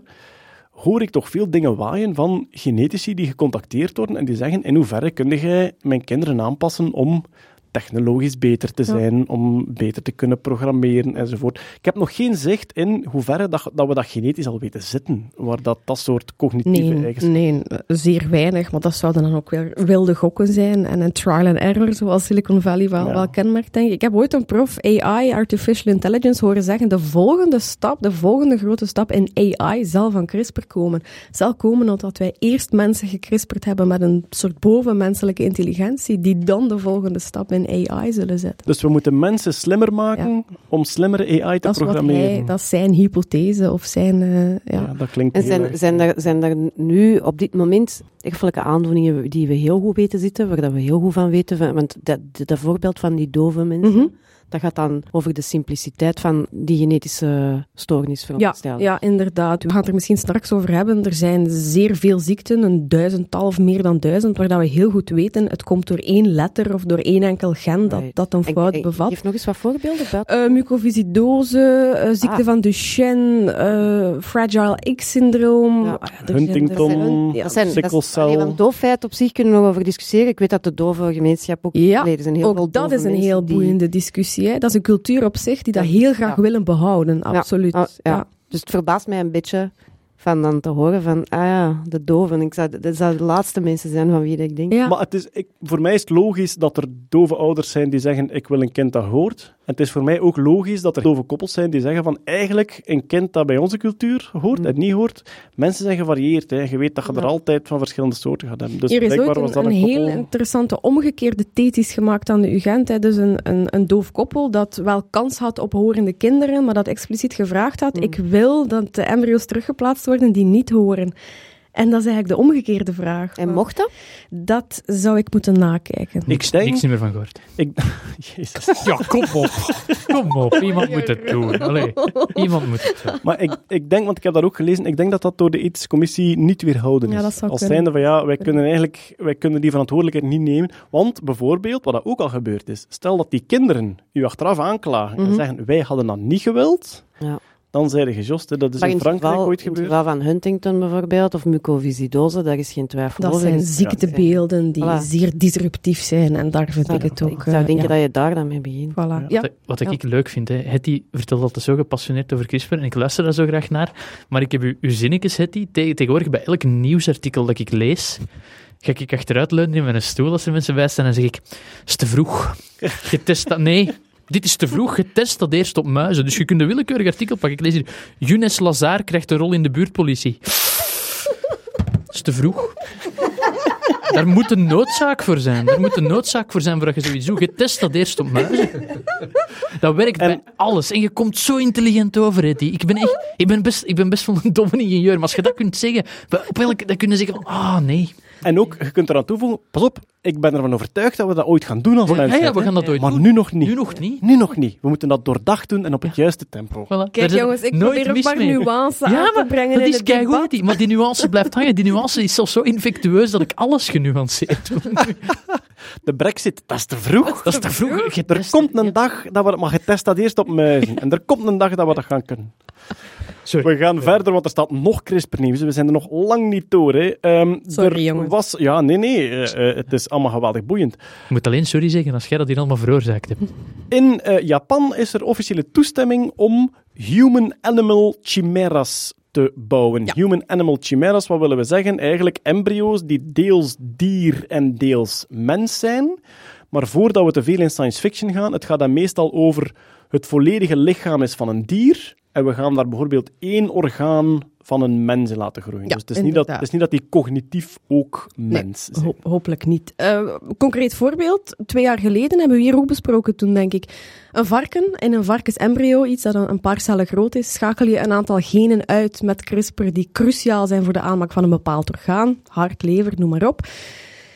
Moest dat embryo uitgroeien tot een dier, dat gaat uiteraard niet, want dat mankeert die informatie om die bepaalde organen aan te maken. Maar als je daar menselijke stamcellen aan toevoegt, waar niets aan gebeurd is, hè, menselijke stamcellen aan dat varkensembryo toevoegt, dan hoop je dat die cellen dat gat zullen vullen en dat die eigenlijk de aanmaak van het orgaan zullen overnemen. Dat is toen getest.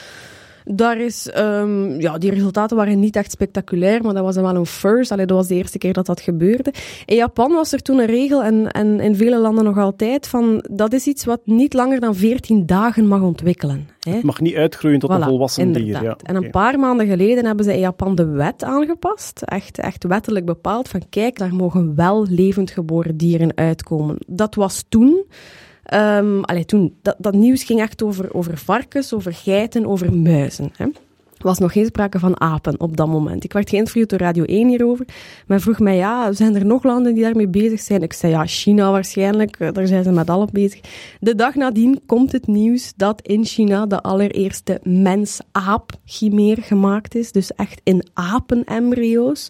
Genen uitschakelen die een bepaald orgaan eh, aanmaken. Daar menselijke stamcellen aan toevoegen. En die laten uitgroeien. Die zijn niet uitgegroeid, voor alle duidelijkheid. Die zijn echt wel beperkt gebleven tot 14 dagen ontwikkeling in een Niet labo. geboren. Niet Het geboren. is China, niet Japan. Hè. Er is even wat verwarring. Nee, nee, Wanneer? ja, in, wel. in, sorry. Japan, in Japan is de wet veranderd dat het Ja, ja, onderzoek mag ja, gebeuren. Ja? En in China zeiden ze, wij hebben de embryo's al gemaakt, maar ze zijn nog niet geboren. Ja, Oké, voilà. voilà. Ja, dus er loopt nog geen aap rond met een Nee, mensenhart. inderdaad. Maar in Japan is die wet inderdaad aangepast. En de onderzoeker heeft toestemming gekregen om mens, varken, geit, schaap, muis chimeren te maken. Allemaal tegelijk of twee per keer? Nee, ja. Oké, ja, maar ja. Allemaal apart. Een dag nadien komt het nieuws uit China.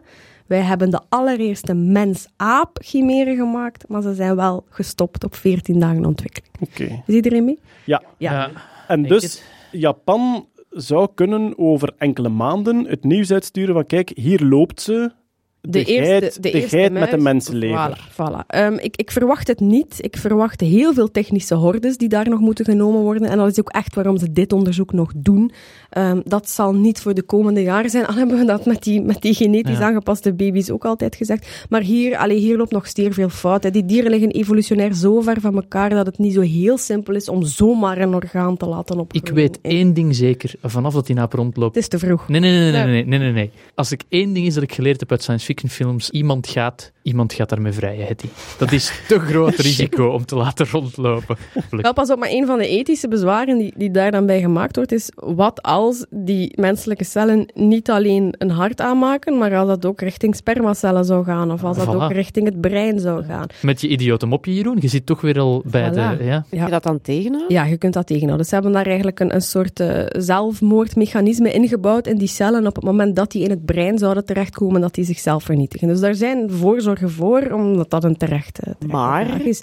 Er zou ook iemand kunnen zeggen, nee, ik ga niet op dat knopje Dat kan. Let's see what Ja. happens. Ja, maar dan hoop je toch dat, dat hoop je hier altijd, dat de ethische regulatiecommissies daar... eh, Want, want de bedoeling is denk ik toch, het gaat toch over orgaan Ja, voilà. hè? Dank u voor de vraag. Inderdaad, de bedoeling is wel, de, de wachtlijsten voor, voor orgaandonoren zijn gigantisch lang. Dat is inderdaad dat we menselijke organen kunnen opgroeien in dieren, liefst in varkens, omdat die anatomisch het meest gelinkt zijn. Voordeel daar ook is, die stamcellen die je daaraan toevoegt, aan die embryo's, die komen van jouzelf.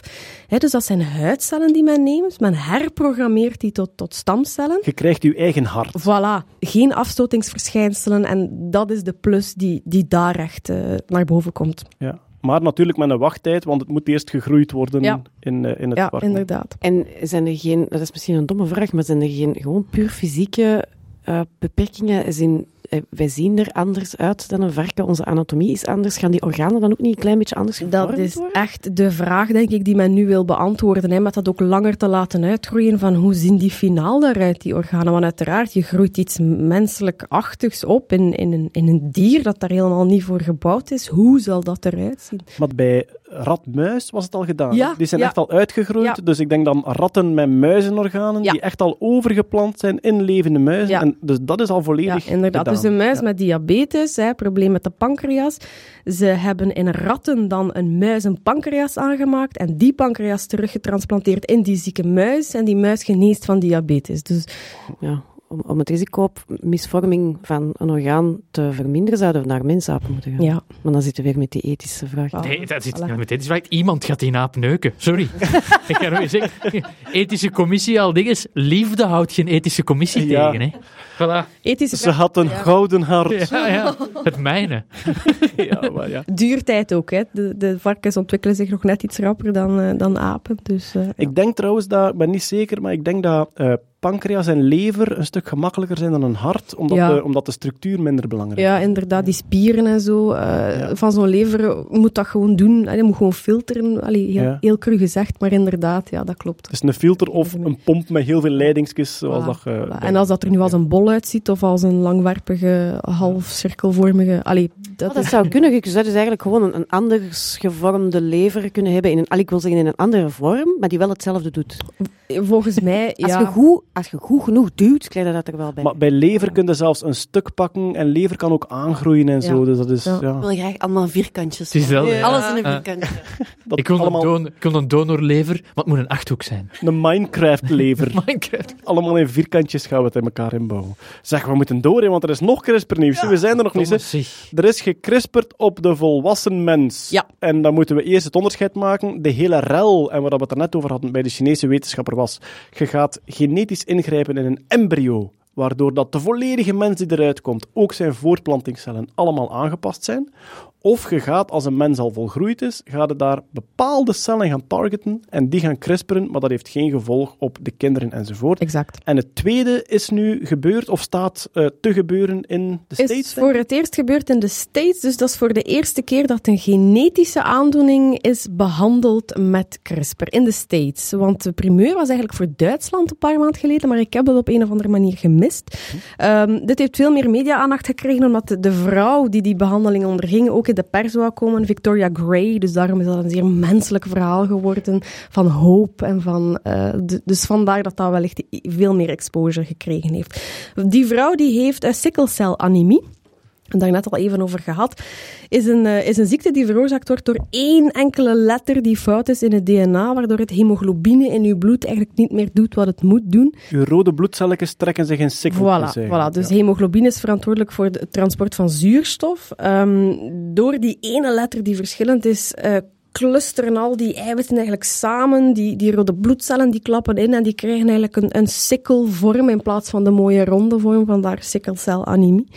Ehm het leuke daaraan is, wij hebben eigenlijk twee soorten hemoglobine. Voor de geboorte eh, wordt er vooral feutaal hemoglobine gebruikt. Dat wordt volledig eh, afgezet, die aanmaak daarvan, na de geboorte.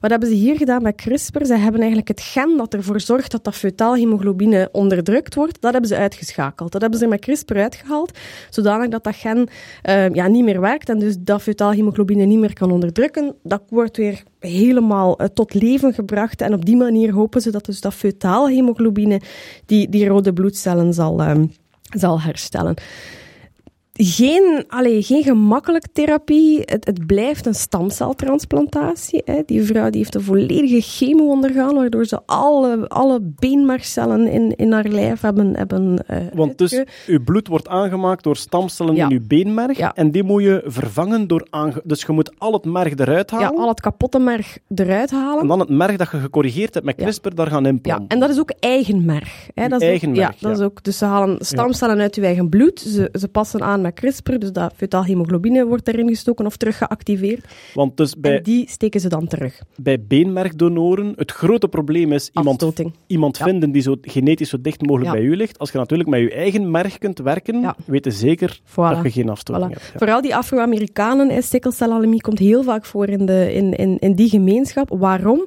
Omdat je eigenlijk in homozygote toestand, dan heb je die ernstige aandoening. Het is een recessieve ziekte. Ja, maar in heterozygote toestand beschermt dat tegen malaria. Dus je hebt, je hebt één gen dat kapot is, maar eentje dat wel werkt. Ja. En dan zijn ze minder vatbaar voor Voilà. malaria. Dan stijgen je overlevingskansen. Maar als je twee ouders Voilà. een kapot en een juiste Ja. hebben, heb je één kans op vier dat jij twee Ja. kapot hebt en dan heb je de ziekte. Voilà. En ongeveer 10% van de Afro-Amerikanen eh, zou drager zijn van, van dat kapotte gen. Eentje van de twee dan. veel. Dus recessief. Eén van de twee, Ja, maar de kans dat zo'n kind ze dan alle twee krijgt, is natuurlijk vrij groot. Absoluut, dus, eh, ja. Vandaar.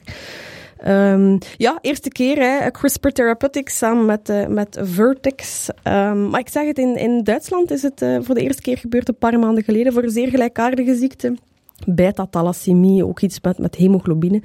Maar eh, ja, ik kijk heel hard uit naar de resultaten daarvan. Ja. Trouwens, wat dat betreft, stel dat je als ouders weet dat je alle twee recessief drager bent, Mhm. dus een kapot en een goeie hebt, dan weet je dat je één kans op vier hebt per kind dat die twee kapotte heeft. Mhm. Ehm, je zou je kunnen laten testen en daarna zou je kunnen kiezen voor pre-implantatiediagnostiek. Dus waar we het ook al over gehad hebben, gemaakt in vitro embryo's en gevraagd aan de dokter, kies er eentje uit die het niet heeft. Ja. En daar was eigenlijk in België ook nieuws over, want u zelf laten testen op recessieve ziektes enzovoort wordt nu aangeboden. Er is nu een test van, ik denk, 1000 euro, Ja. Waar dat je uzelf als ouderpaar op heel veel recessieve ziektes Ja. kunt laten testen. Op, op 1200 genetische ziekten, eh, ook uh, da- daarom niet alleen recessieve, ook, ook eh, dominante. Maar inderdaad, 1000 euro, een proefproject ehm, dat, ja, dat erop gericht is om, om een aantal koppels daar, daarmee verder te helpen. Misschien een aantal cijfers, die vond ik toch wel, toch wel boeiend die eruit kwamen. Eh, men hoopt op termijn dat ongeveer 10% van de, van de koppels met een kinderwens zo'n test zullen ondergaan. Ik vond dat persoonlijk vrij veel, maar Ik, weet het veel, niet. Ik zal het misschien zelf ook wel doen. Dus ze mikken op, ze mikken op zo'n 12.000 koppels eh, in die end en na het proefproject. En daarmee zouden ze vijf van die ernstige ziekten kunnen vermijden. Dat is zeer beperkt, maar als je kijkt wat de kosten, de maatschappelijke kosten zijn van die ziekten, dan, De ziektezorg ja, daarna. ja. lijkt dat wel ehm, te verantwoorden. Nu nog zeer duur en nog niet terugbetaald, omdat het een proefproject is.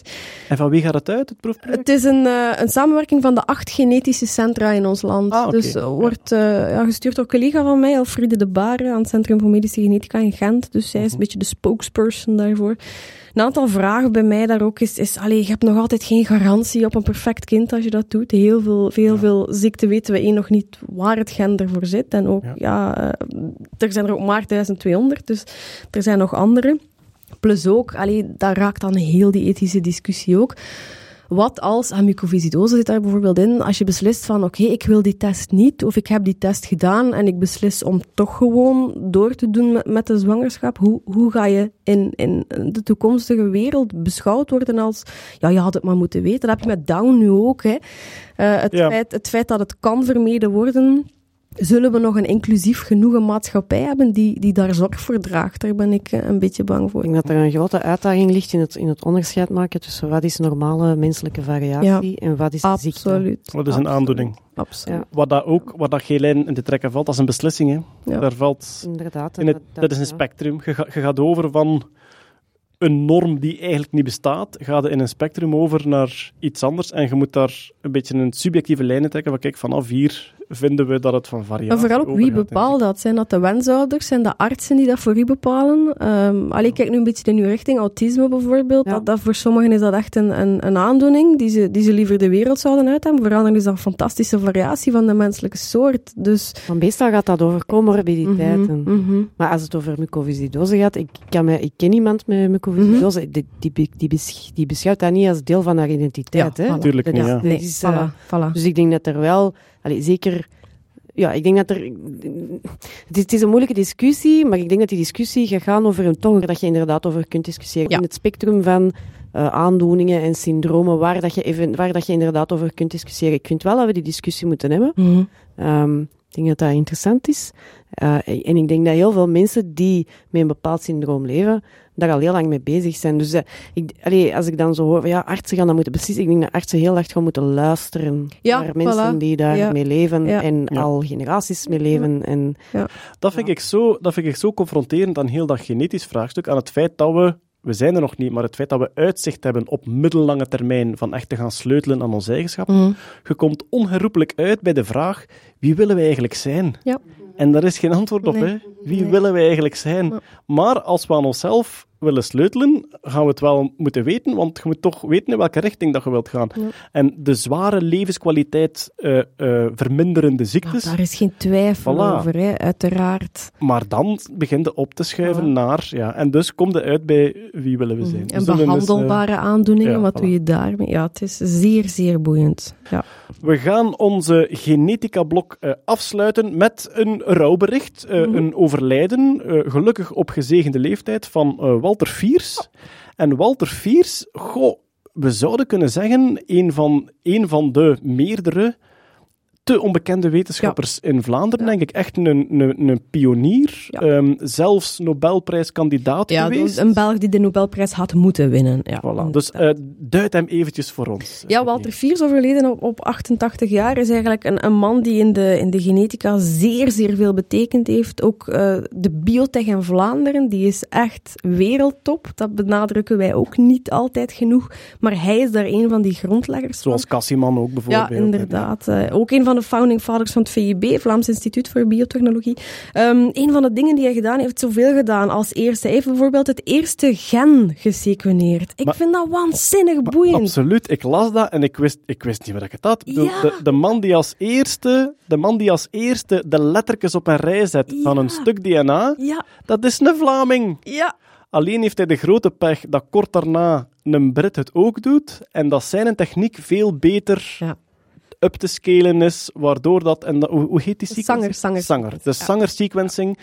Dus helaas, Walter Fiers was eerst, maar Sanger komt net daarna met een manier die veel gemakkelijker toe te passen is. En dan is het logisch dat dat ook de dominante wordt. Maar hij was eigenlijk eerst. Ja, in 1972. Ik heb ook dat origineel persbericht, in, het stond in de New York Times, de tijd had daar naartoe gelinkt. Dat is super boeiend. Dus dat, zijn onderzoek werd uitgelegd in de New York Times, in, gewoon in letters, zonder tekeningen. Maar inderdaad, het eerste gen eh, van, van de eiwitmantel van een bacteriofaag. Ah, van een virus dat ja. een bacteriën... eh, van een vaag die een Ja, ja. bacterie ja, inderdaad, een virus die een bacterie kan, eh, kan aanvallen.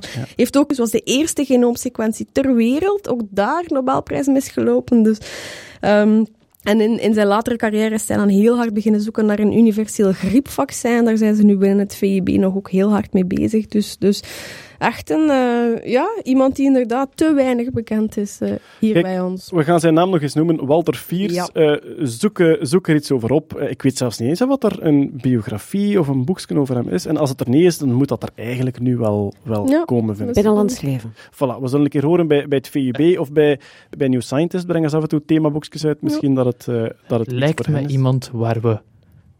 Niemand? Vier, mogen zeggen. Kom op, jongen. Ja, ja, toch. Ja. Ik leg ze voor goal en je kunt... Allee, ongelooflijk. Ongelooflijk. Ja, maar ja, vijf minuten geleden is het van wie willen we zijn als mens? Nee. maar te denken van Jesus Christ, Jeroen, de, de, de lichte nood. Zoek hem. Waar zit het gen van de woordspeling? Ja. Dat we het kunnen aanpassen. Verdomme zeg. Maar ook, ik vind dat trouwens ik vind dat geweldig boeiend om te lezen hoe dat vroeger... Hè, dus je, weet dat dat DNA daar zit en je weet dat dat uit, uit die lettertjes bestaat, uit die bazenparen bestaat. Maar dat je dan een manier moet vinden van hoe kan ik nu weten van dat on, onwaarschijnlijk belachelijk klein ding dat je niet eens kunt zien, hoe kan ik nu een manier verzinnen om die lettertjes op volgorde te krijgen? Mhm, mhm. En ja, we hebben helaas de tijd niet om Nee, dat te we beschrijven. moeten wel een keer... eh, Maar de manier om dat dan. Ja. in stukken te knippen, daar dingetjes aan te plakken, iets daarover te leggen, dat daar aan hecht als het tenminste de juiste code heeft, al die stukjes een overlap te bepalen. Dat is een soort mega sudoku Ja, dat is... dat die in de jaren, in de jaren 70 was. De jaren waarschijnlijk 70. Ik vind dat waanzin. Allee, de, de- de structuur van het DNA is opgehelderd in 53. Dat is de periode dat mijn ouders geboren zijn. Dus toen mijn ouders geboren zijn, wist men nog niet hoe dat DNA eruit zag. Ja. Dat, dat, allee, dat toont alleen maar dat die genetica in haar razende rotvaart... eh. Echt, dat is... eh, toen mijn ouders geboren waren, wat hebben die ermee te maken? Ja, nee, maar Oh, waar waren die toen mee bezig? Nee, maar dat, dat die kennis er toen nog niet was, één generatie voor mij, en dat ik nu een boek aan schrijven ben over aanpassingen doen in het menselijk DNA, allee, dat is dat ik vind En dat zo gaan er mensen over de volgende generatie zitten van, oh maar ik podcast 2019 en die zijn nog bezig over, allee man. Maar ik, ik denk wel, dus je hebt eh, 28 februari 1953 is eh, Watson en Crick. 26 april, denk ik. 26 april? Ja. Het zou kunnen, Ja. niet. Dus februari of april 1953 heb je Watson en Crick die als eerste die een structuur bepalen.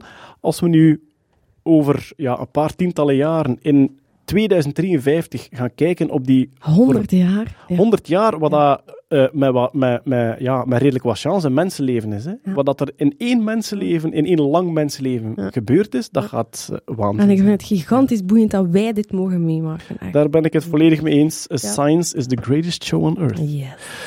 Goed, dat was een Vlaams icoon eh, dat volgens ons veel te weinig aandacht eh, gekregen heeft. Walter Fiers, we gaan eventjes naar een eh, Brits icoon, namelijk Alan Turing, een gigantische held van ons allen.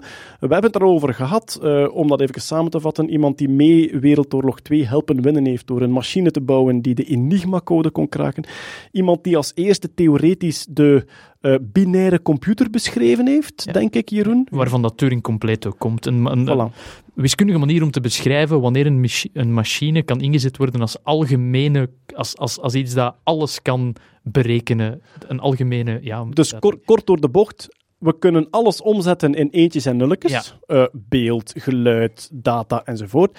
En eens dat we een lange string eentjes en nulletjes hebben, kunnen we door bewerkingen daarop, Ja. als dat één is, moet dat ook één worden enzovoort, kunnen we eigenlijk die dingen veranderen en Een herrekenen. machine is Turing compleet als een hele basisbewerkingen ondersteunt waar het al de rest is opgebouwd. Eh and or not, dat soort, eh, dat Ja. soort dingen. En dus de hele huidige computer is daar eigenlijk op gebaseerd. Alan Turing heeft die theoretisch beschreven. De concrete computer, dat waren dan weer andere, eh, andere bouwers die dat gemaakt hebben. Gigantisch genie, maar na de Wereldoorlog in discrediet gevallen in Engeland omdat hij homoseksueel was, wat tot belachelijk laat, denk ik, jaren 80 Ja. illegaal geweest is in Engeland. Ja. Ehm, er is heel hard aangedrongen bij de Britse regering al heel lang om daarvoor eerherstel te zorgen. Die officiële excuses zijn er eindelijk gekomen, maar niet zo lang Pas, geleden. pas twee jaar geleden, denk ik. Zoiets 2013 heeft de 2013. koningin gratie. eh. 2013. Ja, en dat is dan nog eh, gratie. ja. Dat is nog niet eens sorry, hè. dat Ja. is van, allee, Eh, wel, dus, het is, We het is goed, het u het is dat goed voor één keer. maar... Het is eigenlijk ook nog tragischer, want hij heeft ooit moeten kiezen toen hij nog Ja. bij leven was. Juist. Heeft hij moeten kiezen tussen gevangenisstraf of chemische Ja. castratie. Heeft hij gekozen voor chemische castratie en twee jaar daarna heeft hij allegedly, want dat is nooit helemaal geweest, heeft hij zelfmoord Ja. gepleegd. zelfmoord gepleegd of een ongeval door Ja. in een appel met cyanide te bijten. Ja. Ehm, dus eh, ja, ze, ze hebben- Oeps, Butterfingers. Ah, wel, laat het ons, laat het ons, ehm, laat het ons proberen objectief te stellen. Zijn lichaam is gevonden Ja. met een cyanidevergiftiging, met naast hem een appel waar hij uit gebeten had, waar cyanide in zat. En de verschillende theorieën zijn A, zelfmoord, B, Moord. ongeval, Russen, en C, moord, omdat hij heel veel nationale geheimen wist en volgens de regering misschien eh, manipuleerbaar was eh, of blackmailable was door zijn geaardheid. Een piste die ook gevolgd is in die laatste. Want iedereen verwijst altijd van veel krantartikels. We hadden ook een screenshot uit die film met Benedict Cumberbatch. Maar die film die doet echt oneer aan aan die mensen hun leven. Want die, Klopt, vol- ja. die volgen heel hard de. wat zeg ik, Alan Turing was een Russische spion. eh, mhm. Theorie. theorie. Mhm. En, en het hele homo-verhaal en uit de kast komen is er ook totaal qua tijdslijn verkeerd. Dus dat is eigenlijk dat is een, een goede film als je Benedict Cumberbatch wilt zien acteren. Maar qua historische waarde, alsjeblieft, baseer u daar niet op. want- Lees de biografie. Ze is redelijk dik, maar ze is fantastisch, want allee, die mens is zo intrigerend en die heeft ook zoveel gedaan en gemaakt. Nu, we hadden het over de gratie, die schaamtelijk laat gekomen is in 2013. Er komt binnenkort een nieuw biljet van 50 pond en hij staat erop. En dan moet ik wel zeggen, qua, qua officiële erkenning als land van kijk, dit is iemand die tot onze historische kanon en tot onze historische trots behoort, vind ik dat wel een grotere stap dan zo een beetje een sociaal geforceerde gratie. Ik bedoel, hier maken ze wel een statement. Het is, een, het is een goedmaker en een statement, inderdaad. Hè? Want Ja. vandaag de dag, die community is nog altijd, is nog altijd niet zo, niet zo simpel. Daar wordt nog altijd moeilijk mee omgegaan. En dat dan de UK zegt van, als goedmaker, weet je wat, we willen deze wel doen. Allee, vond dat heel chic dat ze dat wel doen, ja. Ja, ik hoop dat het ook oprecht is van hen uit als zijnde. Bedoel, die mens is een held. Hè. Ik bedoel, als ik iemand op een 50-pond biljet zou zeggen, ik, ik zou ook voor hem kiezen. Dus ik hoop dat het oprecht is en dat het niet echt eh, geen, geen window dressing is. Maar vanaf dat hij uitkomt, eh, wordt het een collectors item onder de... was een- 2021. Het was een hele lijst van mensen die dat... Ze hebben een grote lijst gemaakt en eh, Babbage stond er ook op, Franklin, dus er zijn een hele hoop andere... Hawking, ja. Stephen Hawking, en een hoop andere genieën die hij in Ja. het stof heeft doen bijten, want hij is de enige die erop, die erop hoort. Ja, het is ook iemand, hij wordt ook, eh, er wordt ook van hem vermoed dat hij op het autisme spectrum zit. Dat is een van de mensen die zo eh, postuum zijn gediagnosticeerd. En meestal ben ik daar geen voorstander van. Mhm. Maar met, met hetgeen wat ik heb gelezen, denk ik van, ja, dat was er een van ons.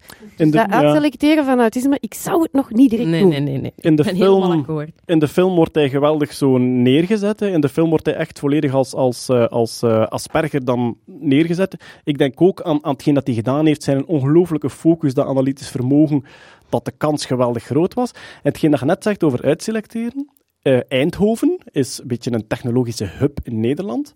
En het, eh, dus mensen gaan daar studeren, blijven daar wonen, werken daar in de technische bedrijven die daar rondhangen. Het eh, voorkomen van, van autisme rond Eindhoven ligt dubbel volgens de rest van Nederland in en rond Eindhoven. In Silicon Valley ook. Voilà, dus de moment dat je zegt, we gaan nu een keer uitselecteren op autisme, zou het kunnen dat heel, heel uw IT-sector en uw technologische, dat die volledig in elkaar zakt, omdat je de talenten eruit Ja. haalt. Niemand gaat uw computer nog fixen, man. voilà. Doe het zelf.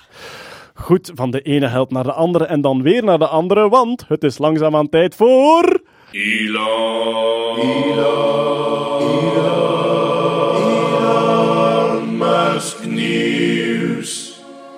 Er is redelijk wat Musk-nieuws en goh, laat ons zeggen, er is toch ook één andere gorilla die zich stevig geroerd heeft de voorbije maand, maar we gaan beginnen bij Musk. En mijn eerste puntje heeft een beetje een soort X-Files gehalte.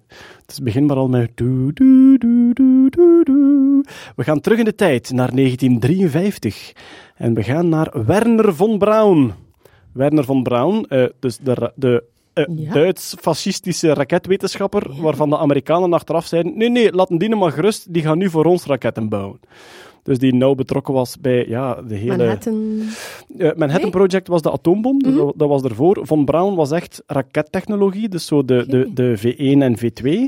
En die hebben ze dan heel hard ingeschakeld in de rakettechnologie, ook van de eh, Amerikaanse ruimtevaart in de jaren 50 en 60, maanlanding enzovoort. Nu, Werner von Braun, die heeft in de jaren 50, 1953, heeft hij een boek geschreven, eh, Project Mars, omdat hij toen al sprak over Volgens mij, zei hij toen, kunnen wij met zeer stevige eh, raketpropulsie tot aan Mars geraken en daar een mens op laten landen. Die heeft toen twee boeken geschreven. Eentje was zuiver technisch-wetenschappelijk. Hoe zou het kunnen werken? Hoe zouden we daar kunnen geraken? Eh, wat dat trouwens een fantastisch boek is om te bekijken, omdat ja, dat heeft iets steampunk-achtig. De vorm van ruimteschepen dat hij toen tekende, is totaal anders dan wat het geworden is. Dat was met heel veel grote bollen zo. Heel veel grote bollen met woonunits. En dus het is zo retrofuturisme noemen ze dat. Hè? Hoe ze vroeger dachten dat de toekomst eruit ging zien, wat dat vaak heel esthetisch is. Maar Werner von Braun heeft ook een boek geschreven, een, een soort fictieboek, Project Mars. En dat ging over de eerste missie die landt op Mars. En in dat boek waren er toen Marsbewoners. Dus ze kwamen daar al bewoning tegen, de Martians. En ze werden daar ontvangen en officieel ontvangen en rondgeleid enzovoort. En wat schrijft Werner von Braun in 1953? De Martians hebben dus een soort eh, politiek systeem met verkiezingen. En om de tien jaar verkiezen ze een nieuwe president en die noemen ze de Elon. De Martians, hun leider, heet The Elon, schreef Werner von Braun in 1953. Het werd naar buiten gebracht onlangs en er was een duister die zei dat kan niet kloppen, dat is een vertaling van achteraf. Die is de originele geschriften gaan terughalen en daar stond letterlijk The Elon. Heeft dat een betekenis dan? Ja. Hij komt van het Flauw Grieks eh, elus, eloi, elon. Dat is de ablatief van eh, een grote eikel. Als ik, allee, ik ben klassiek de, opgevoed. dus ik- de naam Elon, als ik het even opzoek, is Hebreeuws voor boom. Boom of eik, ja, inderdaad. ik zei toch, grote eikel. Maar ja, er, er is dan heel veel, er is dan eens een beetje, een beetje gespeculeerd van hoe, hoe, hoe, kan dat nu, ehm, hoe kan dat nu gebeurd zijn. Eh, toen hij geboren was, wisten zijn ouders daar misschien van. Dat bleek niet zo te zijn, want de Engelse vertaling is van daarna. Ehm, eh, de vertaler, heeft die daar ergens op hem geïnspireerd? Eh, dat ook niet. Als Elon Musk begon met zijn Marsplannen, wist hij toen al dat die term daar gebruikt werd? Ook dat niet, dus het is compleet toeval. Ja, tuurlijk. Maar het is wel tof toeval waar- waarover dat je heel esoterisch kunt doen. En ik neem aan dat de hele conspiracy theory eh, die op het internet eh ja, welig tiert, dat die het niet zal nalaten om daar allerlei verbanden in te zoeken. Nee, maar Het is mooi, maar ik hoop dat hem er niet van gaat zweven.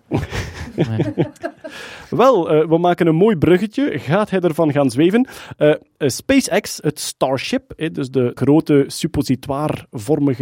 blinkende raket waarin we ooit met tientallen tegelijk naar de maan en misschien zelfs Mars zullen vliegen, heeft zijn eerste hoptest gedaan. En een hoptest wil eigenlijk zeggen dat je even van de grond gaat en dan terug landt. Denk aan een Giro 5 in de jaren 80. Dus je gaat een, een even omhoog, 20 meter maar. Dus, de, dus die, er hangen negen motoren onder die op methaan werken. Wat trouwens ook een van de dingen is van SpaceX. Ze willen graag raketmotoren op methaan omdat je methaan ten eerste duurzaam kunt produceren, in tegenstelling tot eh, kerosine en dingen die uit aardolie komen. En ten tweede dat je die methaanbrandstof waarschijnlijk ook op Mars kunt produceren. Dus die heeft een hoptest gedaan, 20 meter omhoog en dan terug geland. Ging goed. Eh, in de komende weken zouden ze een test doen tot 200 meter hoog. Dus dat gigantische Starship zou 200 meter hoog gaan en dan terug eh, landen. En de volgende stap dan is suborbital. Dus een lancering die net niet in een baan rond de aarde komt, maar dan terug landt. En dat is heel het systeem waarmee dat ze op lange termijn citytrips van Londen naar Sydney op drie kwartier Ja. willen mogelijk maken. ik zie Peter hier gewoon denken, een hoptest, dat is gewoon bierbrouwen voor mij. Of de vogel, de hop. Ah, de hop, sorry, de Ja. vogel, ja. Er bestaat ook een, een vogel, de hop, die ik trouwens eh, twee weken terug gezien heb in Roemenië. Je hebt in Roemenië een hop gezien. Ja, prachtig land om te gaan vogelspotten trouwens. eh, en om nog andere dingen te gaan doen ook. Wat testen ze tijdens zo'n test? Gewoon ontploft die niet? Ah, wel, ten eerste krijgt die propulsie, die raket, stabiel omhoog. Oké. En ten tweede krijgt hij die stabiel terug verticaal geland. Wat dat natuurlijk eigenlijk moeilijker is dan, Mhm. hem, dan hem omhoog krijgen. Mhm. En dus dat is de eerste test. En dan de volgende is een beetje hoger en dan echt Cool. naar de lancering. Spijtig dat die gelukt is, want ik had een mopje met flop klaar, maar ja. Zat, er komen er nog twee. Je krijgt nog kansen. Eh, nog Musk-nieuws. Eh, Musk heeft boel met Robert Escobar. Ja, wat een bizar verhaal. Dus Robert Escobar, de broer van, eh, van Pablo Escobar, u wel bekend als een, ja, eigenlijk de bekendste drugssmokkelaar ooit, eigenlijk, Pablo Escobar. De man die de cocaïnehandel Ja. tien, ja, tien, tien jaar, twintig jaar gedomineerd heeft. Nu, ja. de, de broer van Pablo Escobar, eh, die beschuldigt Musk van het, het idee voor de vlammenwerper gestolen te hebben. Dus lees, Musk heeft twee jaar geleden een vlammenwerper uitgebracht in een van zijn zotte buien, van in plaats van te werken aan nuttige dingen, zei hij van, ik kan een, een, een, een eh, wat was het? Een, Wacht, eh, wacht, Jeroen. Heb je nu net gezegd dat Musk werkt aan nuttige dingen? Hij zou kunnen werken aan nuttige dingen. Ik zeg dat hij procrastineert met het stelen van zeer goede Colombiaanse eh, ideeën voor, voor vlammenwerpers. En Roberto is eh, eigenaar van een, een speelgoedbedrijf. Wacht, dat is raar. Roberto is eigenaar van een speelgoedbedrijf, maar dat staat los van die vlammenwerpers, gelukkig. Ja, ik kan niet zeggen dat eh, de Escobars de meest logische familie zijn, maar de Colombiaan bedacht een speeltje, een vlammenwerper, waar letterlijk geld mee zou verbrand kunnen worden. Komt wel eens van pas in zo'n familie, natuurlijk. Dat was zijn gimmick, hè? Ja. Hiermee kan je geld verbranden. Dat was Ja. ja. zijn verkoopsargument. Het, maar dus ook bij de Escobars, hè, want dat is van Pablo Escobar eh, ook bekend. Die, ja, die, die kon zijn geld niet kwijt op banken, dus die eh, eh, stokte al zijn geld op in grote warenhuizen op zijn domein. En de ratten vreten harder zijn geld aan dan dat hem er verdiende op een bepaald moment. Dus hij verloor meer geld aan, aan, aan ja, de peuzelende beestjes dan dat er binnenkwam van de drugs trade. Escobar is ook de oorzaak van de nijlpaarden die nu in Zuid-Amerika leven. Hij, had, hij had een zoo met nijlpaarden, wat hij gewoon wou als huisdier. En toen dat zijn imperium ingestort is, is dat verwaarloosd geraakt. Die zijn uitgebroken en er, leven, nee. ja, er leven nu een paar nijlpaarden in het wild.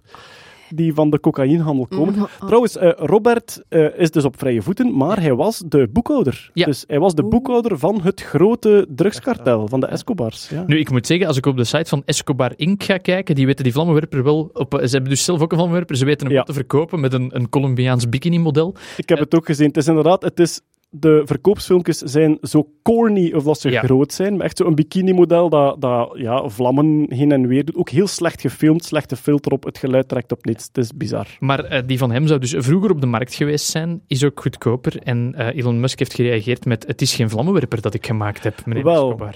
Ja, dus Elon Musk, zijn vlammenwerper, mocht niet verkocht of getransporteerd worden omdat het een vlammenwerper was. Dus hij heeft hem toen officieel not a flamethrower genoemd Voilà. om hem te kunnen verkopen.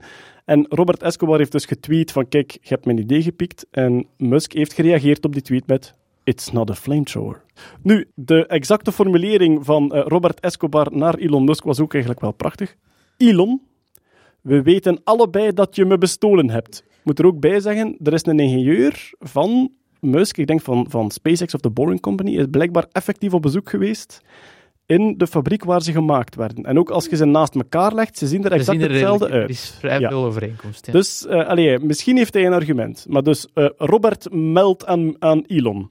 Elon, we weten allebei dat je me bestolen hebt. Ik eis dan ook 100 miljoen dollar. in baar geld of in Tesla-aandelen. En dan voegt hij eraan toe om duidelijk te maken dat het hem hier wel degelijk om een piemelspel gaat. Toen jij nog een kind was in de jaren 80, regeerde ik de wereld. Jij hebt nu misschien 20 miljard dollar, maar ik verdiende dat bedrag vroeger op twee weken tijd.